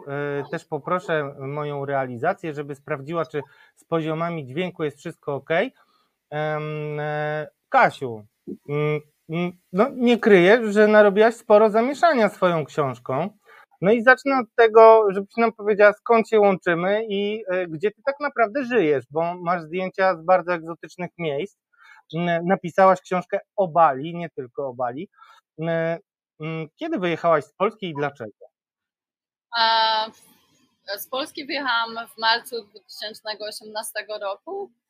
No i to w zasadzie było rozstanie z moim byłym chłopakiem, czyli um, rozstałam się z nim, kupiłam bilet trzy godziny później, a ty, tydzień później mieszkałam już na Filipinach. A więc no to była taka nagła decyzja, powiedzmy, bo też a przygotowywałam się już powoli do takiego życia, wiedziałam już, że mogę pracować zdalnie, wiedziałam już, że mogę wyjechać i tak naprawdę czekałam na swojego byłego chłopaka poniekąd. Więc jeśli, więc wtedy, kiedy e, ten związek się rozstał, no to już wiedziałam, że nadszedł ten moment, tak, albo żyję pełnią życia teraz, albo, no albo dalej, po prostu pogrążam się w smutku, po rozstaniu jeszcze i tak dalej. I, i um, dążę do tego, żeby zarabiać coraz więcej, um, bardziej skupiam się na karierze, a nie na życiu. No i generalnie w końcu podjęłam e, decyzję, że jednak wybieram życie, a nie, a nie właśnie też rozwój w Polsce, bo wiadomo, że wiadomo, że jak nie macie na miejscu, to już nie dostaniesz takich dobrych ofert pracy, jak, jak jesteś tutaj na Bali, tak? Znaczy, jak jesteś, e, przepraszam, jak jesteś w Polsce, to dostajesz lepsze oferty pracy niż na Bali, ale moja e, kariera, myślę, potoczyła się całkiem nieźle. Teraz już w ogóle spełniam swoje marzenia, bo, no, bo teraz piszę. Teraz piszesz. No to zacznijmy od tego, dlaczego napisałaś e, Bali Tinder. A dlaczego? Pisałam w sumie inną książkę. Pisałam książkę o ludziach, których spotkałam w Europie, moich znajomych, jaka jest różnica między, e, między ich mentalnością, kiedy są w Europie, a kiedy są e, właśnie na Bali ale generalnie nie, nie potrafiłam skończyć tej książki. Zaczęłam, poszłam na kilka randek i stwierdziłam, że to jest dobry pomysł na książkę, bo w zasadzie to dating life here, e, tutaj jest no strasznie, no teraz nawet jest a jeszcze bardziej intensywnie, dlatego piszę drugą część Bali bez Tindera. Um, bo to umawianie się tutaj, ten rynek jest bardzo duży przede wszystkim, nazwę to rynkiem. Jest e, naprawdę dużo osób i ta otwartość też seksualna i to wszystko, no to jest dość ciekawe, to jest kompletnie inne podejście niż e, w Polsce. A dusiłaś się w Polsce, że musiałaś znaleźć e, spełnienie na Bali? To znaczy, a nawet w książce chyba napisałam, że od zawsze czułam, że nie pasuje gdzieś tam do tego kraju. Nie podoba mi się trochę to, że jednak każdy, każdy mm, podąża za tymi pieniędzmi, że ludzie zapominają trochę o radości z życia.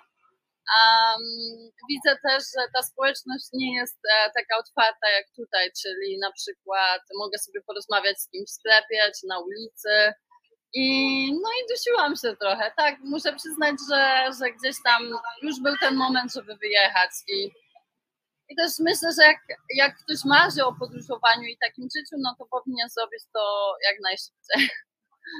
Hmm. A w takim razie muszę Cię spytać jeszcze mm, o motywację, mm, pogłębić mm, to pytanie. Czy Ty mhm. jesteś ekshibicjonistką? Ekshibicjonistką? Nie, nie. Ja jestem generalnie tutaj w tej społeczności to jestem, myślę, jedną z e, naprawdę porządniejszych osób.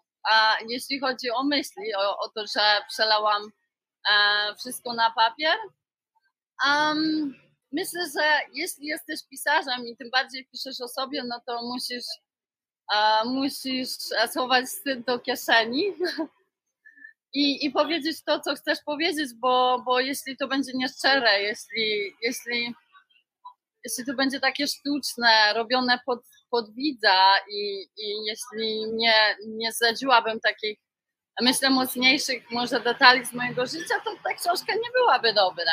To znaczy, może polskiej publiczności by się podobała, ale na pewno nie mi. To prawda. E, zobaczmy, ty też się nie boisz. E, mm, wiesz, to ja miałbym tylko małą prośbę, żebyś zgasiła papierosa, ale z bardzo formalnych przyczyn, bo nam YouTube okay. inaczej e, utnie. Okay. Kiedyś to przeżywaliśmy. Zobaczmy, jak wygląda opętana mm, opętana pieluszka, bo chcę pokazać, e, jak e, ty masz dystans do siebie, ale też jakby no, nie, no trudno nie zauważyć, że jesteś dość wyzywającą osobą, bym powiedział. I jeszcze chciałem mhm. cię spytać o, o poproszę jeszcze drugi, drugi o, tutaj jesteś diablicą, ale o diablicy to jeszcze za chwilę porozmawiamy, natomiast mnie e, bardzo zaintrygowało to, co napisałaś o facetach, E, I mamy jeszcze mm, takie pi- pieluszka o polskich facetach, tak? Tutaj jakby no też e, e, no nie kryjmy, e, że nie masz problemu e, z byciem ciało pozytywną, ale napisałeś dla, do wszystkich kobiet, które mnie nienawidzą, nie martwcie się, nie umówię się z waszym mężem, wolę waszych synów. E, No to jest mocna prowokacja, ale to też e, napisałaś już po tym, kiedy zaczęły się komentarze w Polsce. Z jakimi komentarzami w Polsce się spotkałaś? A to znaczy chodziło też o komentarze, jakieś, jakieś wiadomości nawet kobiet, że o, odczep się od czyichś mężów, ale ja tak naprawdę powiedziałam, że ja nie uderzam do tych czyichś mężów. Dlatego tak sobie zażartowałam i też myślę, że dużo osób e, traktuje e, część moich wypowiedzi z dużym dystansem, bo, bo ja mam bardzo sarkastyczne poczucie humoru i też jestem dość otwarta w tym, co mówię w sieci. A jeśli chodzi o ciało, no to tutaj zresztą panuje taka kultura, śmiejemy się z tego, że dziewczyny jadą w bikini dosłownie na imprezę i właśnie jak się siada na skuter w tym, w tym bikini, w stringach, no to wiadomo, że widok jest niezły, ale generalnie tak jest. Ja dzisiaj założyłam sukienkę, ale no generalnie no ludzie, ludzie tutaj nie ma czegoś takiego, mm, jakiegoś body shaming czy coś takiego, no ludzie chodzą tak jak ich Pan Bóg stworzył, tak może nie nago, ale właśnie bikini, jakaś krótka spódniczka ewentualnie i, i nie, nie, nie zakrywa się tu jakoś szczególnie ciała, tym bardziej, że jest strasznie gorąco, więc myślę, że ja się tego tutaj nauczyłam, że jak, że jak żyję tutaj, to no nie jest, e, to nie jest nic nadzwyczajnego, że zapozuję do zdjęcia w bikini.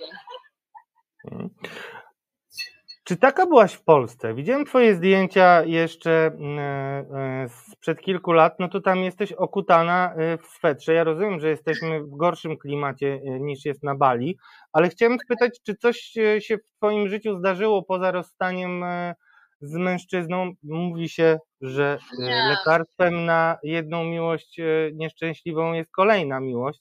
E, Zastanawiam się, czy ty odkryłaś w sobie tą otwartość e, do seksu, bo w Polsce takie osoby, które mówią otwarcie o seksie, a ty nawet mówiłaś o tym, że nie jesteś monogamistką, są nazywane różnymi słowami, które niekoniecznie Tak. e, są pozytywne, a lafirynda to jest najmniej, no bym powiedział, ostre sformułowanie. Nawet Czy ty byłaś taka w Polsce, czy ty otworzyłaś się na Bali? Otworzyłam się na Bali, bo w Polsce w zasadzie byłam w związkach, gdzieś tam w przerwach między moimi byłymi chłopakami, bo tak naprawdę byłam w trzech e, długich związkach. Em, a gdzieś tam umawiałam się i miałam te one night stand i tak dalej, ale gdzieś ta otwartość to jest bardzo długi proces, żeby w ogóle dojść do mojej mentalności. Teraz to myślę, że faktycznie ktoś musi spędzić tak ze trzy lata e, w Azji, bo mm, no nie wszystko na początku było dla mnie takie normalne. Na przykład samo spóźnianie się ludzi. E, Gdzieś tam sama teraz też się spóźniam, ale też musiałam się do tego przyzwyczaić. Do tego, że, że na przykład tu ja nie napiszę wiadomości, na przykład ktoś do mnie pisze, pisze, pisze, ja nie odpisuję na tą wiadomość, nawet jeśli to jest chłopak, z którym spałam tydzień temu. Nie wiem, no e, już ma się taki prostu, a zdajesz sobie sprawę, e, że jesteś em, tym człowiekiem, który zarządza swoim życiem, że świat jest tak wielki i że tak naprawdę dbasz o wiele osób, ale stawiasz jednak siebie na pierwszym miejscu. No to bym powiedział, że jest takie mm, zupełnie niepolskie, szczególnie y, kiedy my jesteśmy w kraju bardzo katolickim. No i na przykład chciałem Cię spytać, jakie jest Twoje podejście do tego, co zobaczyłaś w Polsce, bo e, trudno ukrywać, że dużo się tutaj zmieniło od kiedy wyjechałaś. Mieliśmy w 2020 roku mm, no, dyskusję o aborcji, potem był wyrok e, Trybunału Julii Przyłębskiej, który zakazał aborcji. Nie mamy dostępnego in vitro. E, O seksie się praktycznie e, nie rozmawia, na pewno w telewizji publicznej. Czy ty uważasz, że my jesteśmy sfrustrowanym seksualnie społeczeństwem? A myślę, że niektórzy ludzie, tak, szczególnie ci, którzy wypisywali do mnie jakieś wiadomości dziwne. em, Ale jakie? No właśnie nazywanie mnie tym Seanem i tak dalej, jakby nie widzę tutaj e, powodu, bo tak naprawdę to jest moje życie i dlaczego druga osoba ma mi się do niego wtrącać. I ja już się wypowiadałam też na temat aborcji i tak dalej, ale nie jestem osobą, która jest w stanie coś zmienić. Um, nawet jeśli moja mama jest w Sejmie, no to też to jest, ona odpowiada przed swoim elektoratem, tak?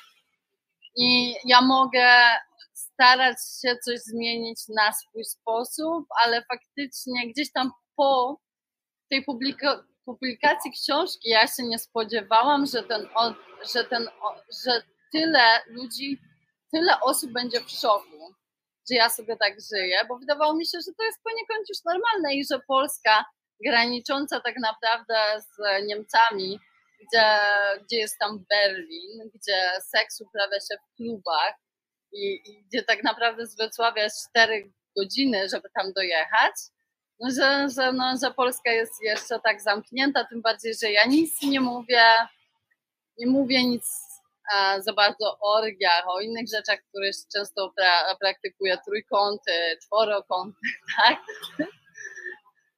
Znaczy, ja prostu... Często się praktykuje, ale nie mówisz, bo nie mówisz, czy nie mówisz, bo się wstydzisz, czy nie mówisz, bo to nie wypada, czy nie mówisz, bo po prostu to nie jest dla A nie, ciebie? Nigdy nie byłam e, właśnie, nigdy jeszcze nie byłam w trójkącie, chociaż teraz e, będę opowiadać pewną historię, jak powiedziałam Brazylijczykowi, żeby mi znalazł jakiegoś chłopaka i może, może byśmy um, zrobili trójkąt, ale ja sobie tak żartowałam. W sumie po pięciu minutach przyprowadził mi drugiego Brazylijczyka i powiedział, że spoko, nie ma problemu. Pokazywał, czy, czy na pewno mi się podoba i opisuje właśnie to w drugim, w sumie w pierwszym rozdziale książki śmieszna sytuacja, ale ludzie, ludzie tutaj to robią, więc i tutaj też jest tak, że my często rozmawiamy o seksie. E, to nie jest żaden temat tabu. W Polsce moi znajomi też rozmawiają o seksie, ale e, częściej rozmawiają jednak o problemach, o dachówkach, o kredytach, o domach, o dzieciach i tak dalej, wiadomo. Ale, to nie, ale co to znaczy, że oni inaczej rozmawiają o seksie? Bo znaczy... chodzi mi o to, że mm, twoja mhm. książka ma szansę stać się pretekstem do tego, żeby rozmawiać o seksualności Polaków, ale ta seksualność jest tłumiona i tutaj, no skoro sama jakby przywołałaś swoją mamę, no to trudno powiedzieć, że e, Prawo i Sprawiedliwość, które e, mama reprezentuje, no nie ma tutaj e, tak zwanych zasług, bo jednak mm, na tak, przykład jasno. Straszenie środowiskiem LGBT jest przeprowadzane takim no, wytrychem, że mm, chcą nam seksualizować dzieci nawet w przedszkolu. Czy ty uważasz, że czy, czy to była twoja ambicja, czy ty tak naprawdę chciałaś, nie wiem, pokazać siebie, zarobić kasę, stać się sławna? Jakie były twoje motywacje? Właśnie dużo osób mi zarzuca, że napisałam tą książkę dla pieniędzy. Ja tak naprawdę Proszę się zorientować najpierw, ile pisarzy zarabiają w Polsce. Później mówić, że napisałam książkę dla pieniędzy. Nie, to jest moja pasja. Ja lubię opowiadać te historie. Jeśli um, wiem, że często zmieniam czyjeś życie, czyjeś podejście, ktoś może się trochę bardziej otworzyć. Ludzie nie są pewni, um, pewni tego, co mogą, czy nie mogą. Uh, I gdzieś tam pokazałam im trochę, że można powiedzieć takie rzeczy w Polsce, mimo tego, że się za to bardzo obrywa. Um, coś jeszcze chciałam powiedzieć i moto przyjechał i zapomniałam. E, no, nie, myślę, ale jak że... mówisz, że często obrywasz, to spotkałaś się jeszcze z jakimiś pozytywnymi e, reakcjami, na przykład, no powiedz. Ale tak, bardzo często. E, A jakie to były bardzo, reakcje? bardzo dużo wiadomości dostaję, że właśnie kogoś do czegoś e, zainspirowałam, szczególnie e, w okresie wakacji dziewczyny z Polski otworzyły się trochę bardziej, poszły na randki, e, gdzieś tam opowiadały mi, że przeżyły super, super kilka dni z kimś, więc fajnie, cieszę się. Nie, nie, nie pisałam tej książki absolutnie dla pieniędzy, raczej ze względu na moją pasję. Gdybym pisała e, dla pieniędzy, to pewnie opublikowałabym sama i zrobiłabym sobie sama reklamę, a gdzieś tam, jak już publikuję z wydawnictwem, e, przy czym to jest finansowane przez wydawnictwo, no to też jest jakiś e, prestiż, prawda? No dobrze, ale to y, jeszcze chciałem Cię spytać o tą Twoją przemianę, bo powiedziałaś, że się mm, otworzyłaś na Bali. Ja powiedziałem, że Cię widziałem e, w swetrach okutaną e, na starych zdjęciach, jak się szykowałem do naszej rozmowy. E, I też Mhm. powiedziałaś o tym, że jesteś autonomiczna od mamy, no ale jednak to jest hardkorowa sytuacja, kiedy e, córka e, polityczki, która no, no, jest po pierwsze w PiSie, ale Twoja mama też ostro romansowała politycznie z narodowcami między innymi i jest znana z takich dość ostrych wypowiedzi.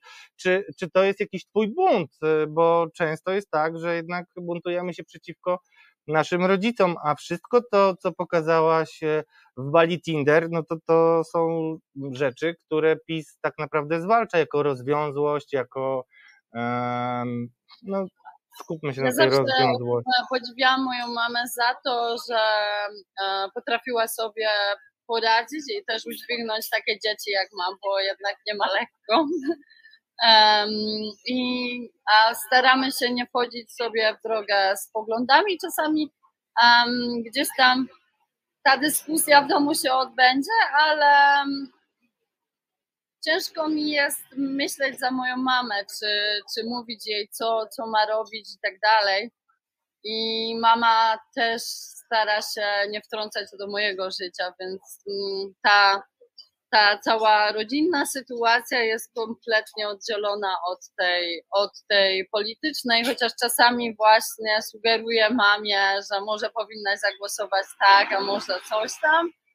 No ale czy to się przełoży faktycznie na działanie, to już jest jej- jej decyzja, tak? Ale ja cię muszę spytać o to, czy mama ciebie rozumie, bo e, twój styl życia jest tak e, odległy od norm. Ja Moja mama nie, nie cieszę się z tych norm. Mhm. Moja mama mnie rozumie z tego względu, że ja bardzo dużo przeszłam w życiu. E, Właśnie straciłam tatę, straciłam brata i ona musiała też to wszystko udźwignąć, bo stracić dziecko to nie jest, e, to nie jest łatwa sprawa. E, No i moja mama też zrozumiała, że ja po prostu muszę żyć po swojemu i też, że nie może mnie w żaden sposób ograniczać, bo jeśli zetniesz się ze śmiercią w takiej bliskiej rodzinie, a no to a zdajesz sobie sprawę z tego, że to życie jest faktycznie jedno i trzeba, trzeba z niego korzystać. Em, myślę, że moja mama jest szczęśliwa najbardziej w ogrodzie. Tak naprawdę polityka też, też gdzieś tam ją trochę. To nie jest łatwy zawód. Ludzie tego też nie rozumieją. To jest bardzo, bardzo ciężka praca i, i generalnie ten hejt i to wszystko, jak mi się spotykasz, mieliśmy sytuację, że ktoś tam protestował przed ich domem, jacyś sąsiedzi. To, to wszystko nie jest łatwe, bo ludzie cię lubią i nie lubią. Ja poszłam e, poniekąd tą samą drogą teraz, tylko że w, w innym kierunku bardziej promuję właśnie wolność, a nie odwrotnie. No i też się mierzyłam teraz sama z tym hejtem, ale nie mieszkam w Polsce, przez co mi jest dużo łatwiej. Chociaż jak wróciłam na Bali, to zauważyłam, że musiałam jeszcze trochę do siebie dojść, trochę odzyskać tą starą się pewność siebie, bo też ludzie mówili, że ona wcale nie jest taka ładna, głosowali, czy mam duży, czy mały nos. To nie jest miłe. Jakby zauważyłam to ściąganie e, na dno e, tych ludzi z boku, którzy cię tak naprawdę nie znają. Oni nic, a, dobra, jeśli przeczytali książkę, mogą coś o mnie wiedzieć, ale wielu z tych ludzi nie przeczytało mojej książki i po prostu um, wsadziło mnie do jakiejś szufladki na podstawie jednego wywiadu. Um, no i Na podstawie tego wywiadu, w którym mówiłaś, że nie jesteś monogamistką, na podstawie tego wywiadu, bo tak e, było, powiedziałeś, że nie jesteś za monogamią. A jak, e, nie wiem czy wiesz, ale na przykład ostatnio e, prezes Jarosław Kaczyński, którego głos jest dość mocno, powiedział, że kobiety w Polsce nie mają e, dzieci najczęściej, bo jeżeli się do 25 roku wali w szyję, e, no to Ja potem się nie ma dzieci. Ty nie ktoś na ten temat żartował. A generalnie mm, Boisz się powiedzieć coś złego o prezesie partii, w której twoja mama jest posłanką? Um, nie boję się powiedzieć niczego złego. Też e, nie poznałam nigdy osobiście, tak szczerze mówiąc. I No co tak, myślisz o jego opiniach? Bo nie chodzi mi o to, żebyś oceniała jego buty czy yy, emploi generalnie, ale mm, no, to jednak jest problem dla bardzo wielu kobiet. Widziałaś na pewno strajki kobiet e, masowe, wielotysięczne, czasami nawet 100 tysięcy ludzi wychodziło na ulicę. Ta władza jest uznawana za przeciwna kobietom, e, za e, tłamszącą wolność kobiet, tłamszącą wolność wyboru, a ty sobie jedziesz na Bali, uprawiasz sobie bez nie wiem jak to powiedzieć. Mm, tak, no, masz, masz wielu kochanków, wchodzisz na techno, nie wiem, czy palisz jointy, czy y, y, wrzucasz jakieś używki, y, bo nigdy tego nie widziałem, ale chyba też nie masz z tym jakiegoś specjalnego problemu, jeśli chodzi e, o to, mhm. jak e, ludzie żyją. No, jakby, no, jesteś ewenementem, masz tego świadomość, dlatego cię pytam, jak z perspektywy osoby, która żyła w Polsce i nie była tutaj szczęśliwa, bo to powiedziałaś, że nie, była, że nie byłaś szczęśliwa, obserwujesz, jak no cóż, kobiety mają coraz ciężej nad Wisłą. No tak, Polki wal, walą szyję do 25 roku życia, bo ich życie jest po prostu smutne czasami. Później nie mają dzieci. Nie no, żartuję. E, generalnie mm, ja staram się trzymać e, z daleka od polityki, a zmieniam, e, zmieniam może podejście niektórych osób swoją drogą, tak? Bo też też, też gdzieś tam um, też identyfikują się ze mną, czy identyfikują mnie ze, środka, ze środowiskami e, fem, feministycznymi. Ja absolutnie to wszystko e, popieram, a co do e, prezesa, no to ja na niego nie głosowałam, więc ciężko mi się wypowiadać. To trzeba zapytać kogoś, kto głosował na pana prezesa. Okej, okay, no dobrze, ale y, mi chodzi bardziej o tą sytuację kobiet, bo ty jesteś, y, czy chcesz, czy nie, Polką i polską kobietą i musiałaś emigrować. I tak się zastanawiam, czy to nie jest. Nie y, musiałam, absolutnie nie musiałam, tylko chodzi mi bardziej o to, że ja chciałam emigrować. Ja chciałam żyć w ciepłym kraju, chciałam żyć na jakiejś wyspie, chciałam mieć wiecznie gorąco, bo też nie lubię e, zimy. Absolutnie nie musiałam e, emigrować. Ja miałam całkiem fajne życie w Polsce wcześniej, no ale Um, też, też chodziłam na techno, też e, nie stroniłam od używek, a też paliłam papierosy, też miałam grupę znajomych, z którymi stale imprezowałam. E, tylko po prostu chciałam już imigrować. Ja jestem osobą, która nie potrafi e, usiedzieć e, zbyt długo w, w jednym miejscu i uważam, że jeśli któraś kobieta czuje się, czuje potrzebę faktycznie życia takiego jak ja, no to powinna wyjechać Polsce jest to poniekąd możliwe, ale tak jak gdzieś tam powiedziałam już wcześniej, tworzysz sobie grupę osób, z którymi żyjesz fajnie i wszystko jest super, z którymi jesteś, a, jesteś otwarta, z którymi możesz o wszystkim porozmawiać, ale jednak to środowisko, to całe otoczenie jest no jednak niezbyt open-minded, że tak powiem. Ale powiedz coś więcej o tym, bo wiesz, jakby nie, wcale nie kryję i to nawet mówiłem w tym programie, że ty jesteś bliska mojemu sercu, bo jesteś mm. wolna, y, nie boisz się mówić o tym, o czym inni się trochę wstydzą i mhm. jakby no, bije szczerość w ciebie. No, nie ulega wątpliwości, że jakoś się uwolniłaś od różnych konwenansów. Ale jeszcze raz tutaj wracam do tego, bo jesteśmy katolickim krajem i to moim zdaniem jednak Kościół katolicki, ten program nazywa się Katarzis nie przez przypadek. E, mhm. Kościół katolicki tłamsi seksualność generalnie. Uważa, że seks jest czymś złym. Na przykład Anna Sobecka była lektorka Radia Maryja, kiedyś zasłynęła w wywiadzie z Anią Kalitą rozmawiała i powiedziała, że seks jest zły, bo nie rozwija.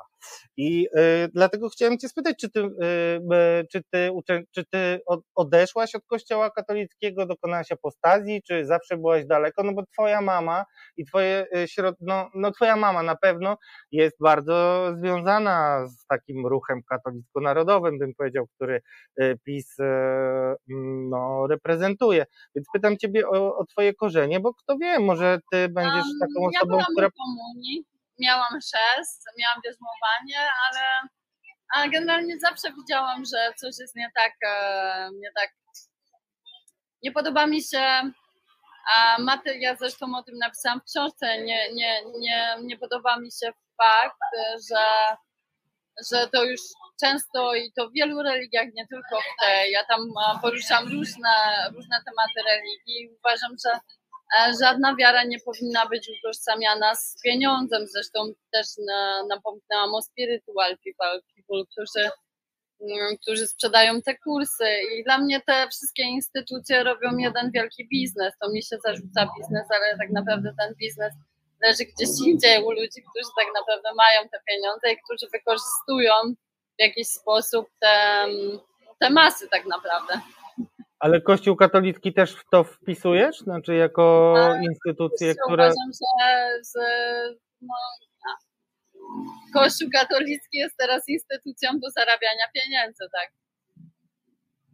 E, oczywiście są pewnie księża z powołaniem. Ja też jestem wierzącą osobą, ale nie jestem, nie jestem konwencjonalnie wierzącą osobą, bo wierzę w wiele rzeczy. E, łącznie z, nie wiem, z energią, z życiem po życiu, karmą, tak jakby edukuję się trochę też od, od różnych ludzi i słyszę, e, słyszę różne rzeczy, różne wierzenia, różne historie i sobie wybieram po prostu, co mi pasuje, a co nie. I myślę, że, że, że można zachować w tym wszystkim e, taki indywidualizm. Ja nie lubię w ogóle podążania za grupą przede wszystkim. I, I właśnie Kościół jest czymś takim, co, co no, no, poniekąd no, podążasz za tą grupą. Mówią ci, że jesteś owcą w stadzie i masz się podporządkować, tak to nie dla mnie. Chociaż jestem wierzącą osobą. Znaczy, nie wiem, czy wierzącą, czy, czy, czy duchowo jakąś wewnętrznie, no ale to, to jakby to jest nomenklatura, możemy sobie o tym rozmawiać. Ja Kasiu, na przykład. No. Kasiu, a, a czy osoby, które znałaś e, w Polsce, twoje koleżanki ze szkoły, z liceum, nie wiem, czy studiowałaś, e, e, jak do tego podchodzą? Czy spotkałaś się z jakimś ostracyzmem, czy wręcz przeciwnie? Bo Tak. może, może to nie jest prawda o Polsce, że my jesteśmy takim jednak kostycznym społeczeństwem, tym bardziej, że wiesz, no im bardziej wahadło się kieruje w prawą stronę, przeciwko aborcji, przeciwko środkom antykoncepcyjnym, przeciwko edukacji seksualnej, której tak strasznie brakuje w Polsce, no, e, no to mm, jakby no twoja postawa e, może być nawet przez osoby młode często krytykowana. Czy ty się z czymś takim spotkałaś? Czy ty w ogóle zerwałaś wszystkie korzenie? Czy ty myślisz o tym, że możesz wrócić do Polski? Jak tutaj jest? Czy zostawiasz spaloną ziemię i tak naprawdę już nie widzisz dla siebie e, szczęśliwego miejsca w Europie, w Polsce? Czy to jest w ogóle niemożliwe, żebyś tutaj była szczęśliwa, abstrahując od klimatu? Do Polski nigdy nie wrócę, to na pewno, chyba że na chwilę. Nie, to nie jest moje miejsce zdecydowanie. E, tym bardziej nie po tym, co mnie spotkało z tą książką, ale e, myślę, że w Europie mogłabym zamieszkać na przykład na Fuerteventurze. Bardzo lubię tą wyspę. Ja też dużo podróżowałam, nie tylko po, nie tylko po Azji, ale też po świecie i bardzo lubię Hiszpanię na przykład. E, Portugalię trochę mniej, ale też lubię, wolę jednak Hiszpanię. Chodzi mi o ludzi generalnie, bo to już, e, już abstrahując od polityków, od kościoła, od wszystkiego, no to jednak widzimy, że to społeczeństwo jest takie trochę mm, No, ale ono się samo takie nie. zrobiło. Samo się takie nie zrobiło. Żyłaś tutaj 30 samo lat. było, czy nie, No. czy gdzieś tam.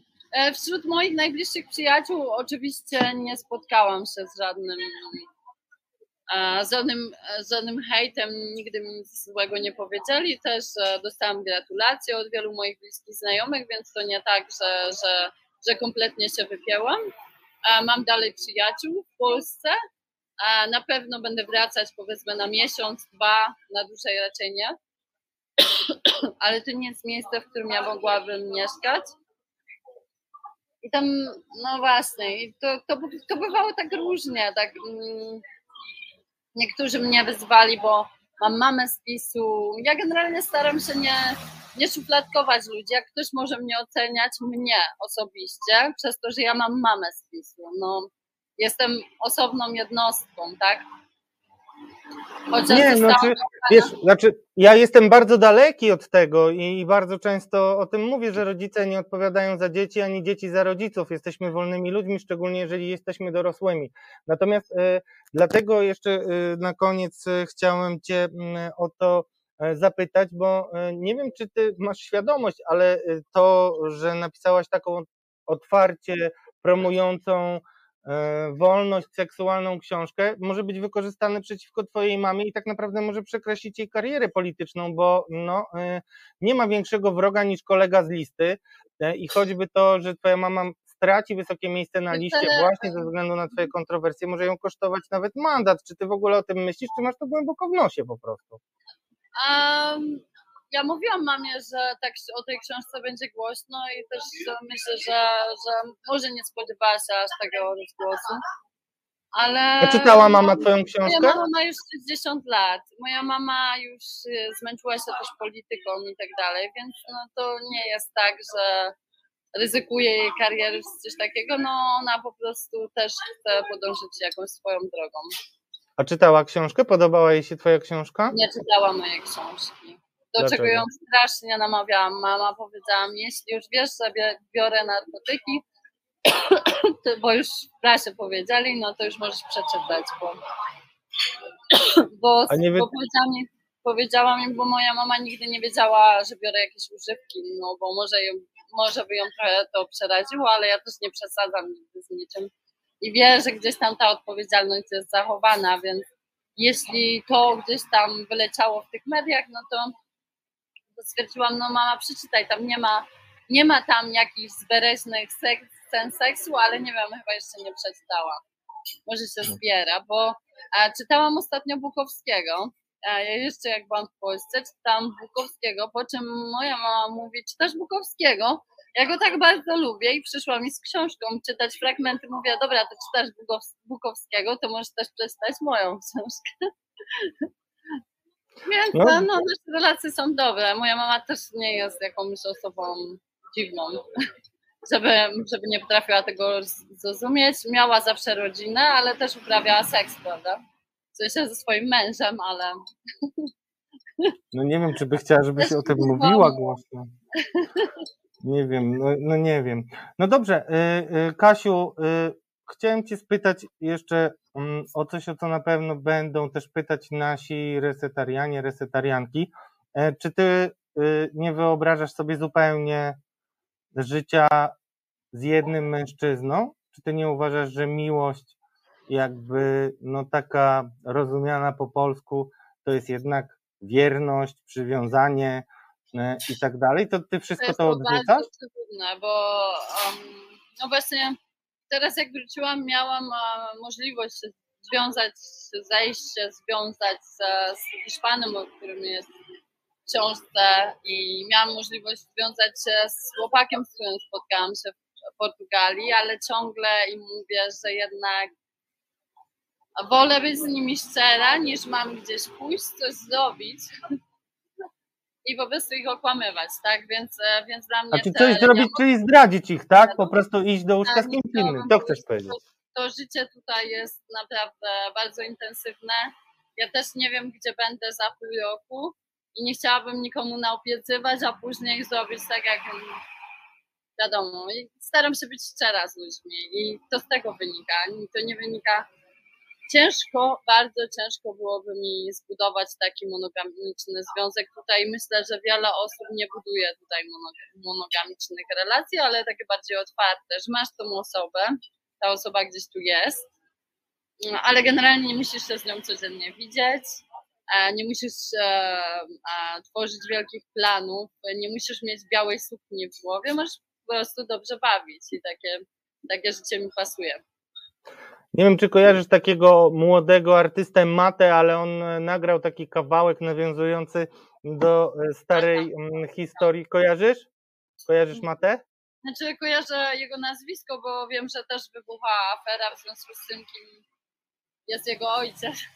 Nie no, afera wybuchła właśnie z innego powodu. Jeszcze to jest moje ostatnie pytanie, czy narkotyki na Bali są legalne, bo e, Mata nagrał taki kawałek, w którym jest, e, zaczyna się tak, dwa miliony skazań od początku prohibicji i e, bardzo jasno występuje przeciwko penalizacji posiadania narkotyków. I dlatego chciałem Cię spytać też o to, jak jest na Bali i co Ty w ogóle o narkotykach myślisz.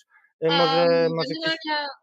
Na Bali e, trzeba bardzo uważać. W Tajlandii jest marihuana legalna, A co do Bali, no to na przykład można sobie kupić grzyby, jechać e, na e, wyspę Gili i tam w koktajlu wypić sobie grzyby halucynogenne. Jest, są, są sposoby, wiadomo, ale mm, ja też staram się nie wychylać ani nie robić nic, wiadomo. Wi- wiadomo. Nie mogę Michał nie-. Dobrze, Nie ostatnie jestem pytanie. Ostatnie pytanie. Y, Zawsze głosowałaś na mamę w wyborach, czy chciałabyś na przykład powiedzieć Polkom, żeby inaczej decydowały niż y, wybierając? No ja chyba głosowałam w pierwszych wyborach, jak jeszcze, jak jeszcze żyłam w Polsce. Później już nie głosowałam w ogóle. E, Później stwierdziłam, że w ogóle nie chcę głosować. Też gdzieś tam na początku ten wybór był taki. Myślę, że na początku nie było wiadomo do końca, e, że to pójdzie aż w taki konserwatywny sposób i też, że będzie aż takie wsparcie, wsparcie dla rodzin i tak dalej, a gdzieś tam pomija się właśnie tych przedsiębiorców.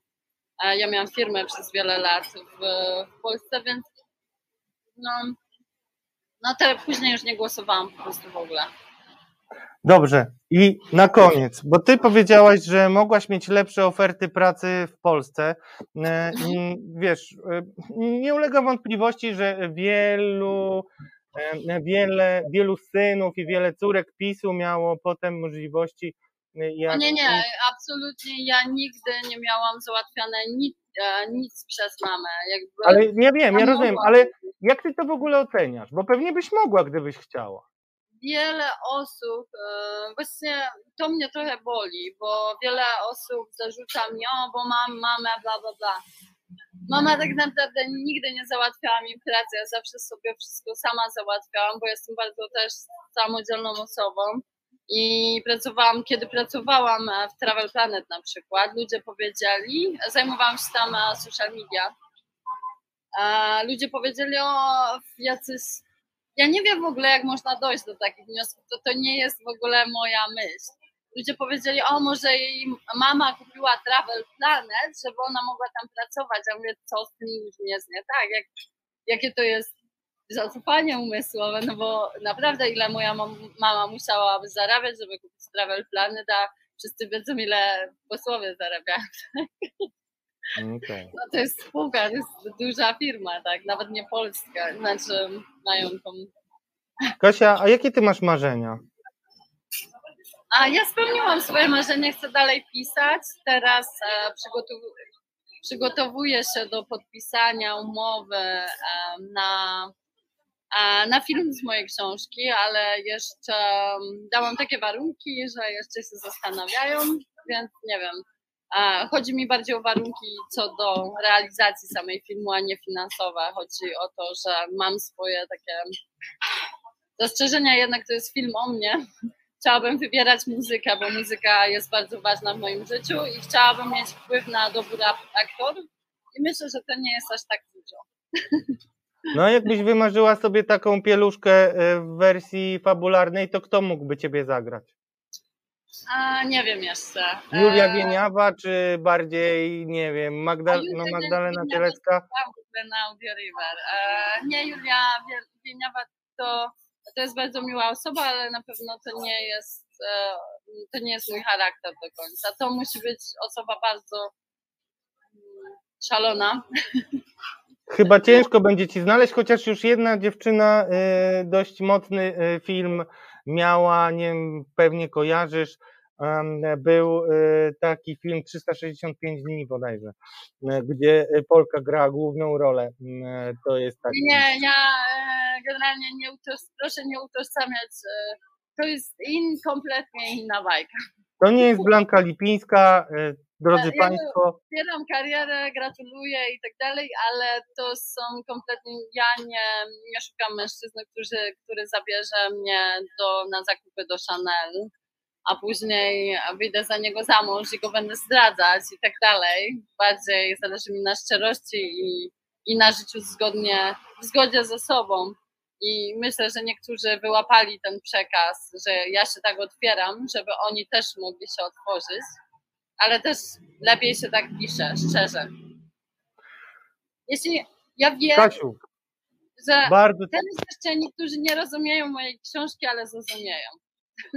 No, wszystkim, wszystkim polecam, jeszcze do tej książki będę y, wracał, ale chciałem, żeby nasi resetarianie też mieli okazję y, Ciebie trochę poznać i nie ukrywam, że wydaje mi się, że Twoje poglądy są na tyle ciekawe i odmienne od y, tego, o czym się w Polsce w ogóle rozmawia, że Mhm. chciałbym jeszcze kiedyś wykorzystać Twoją popularność i też porozmawiać o innych aspektach życia na Bali. Jasne. Bardzo dziękuję Ci, Kasiu. Y, Pozdrawiam Cię jako y, ta osoba, która ceni osoby y, wolne, niezależne.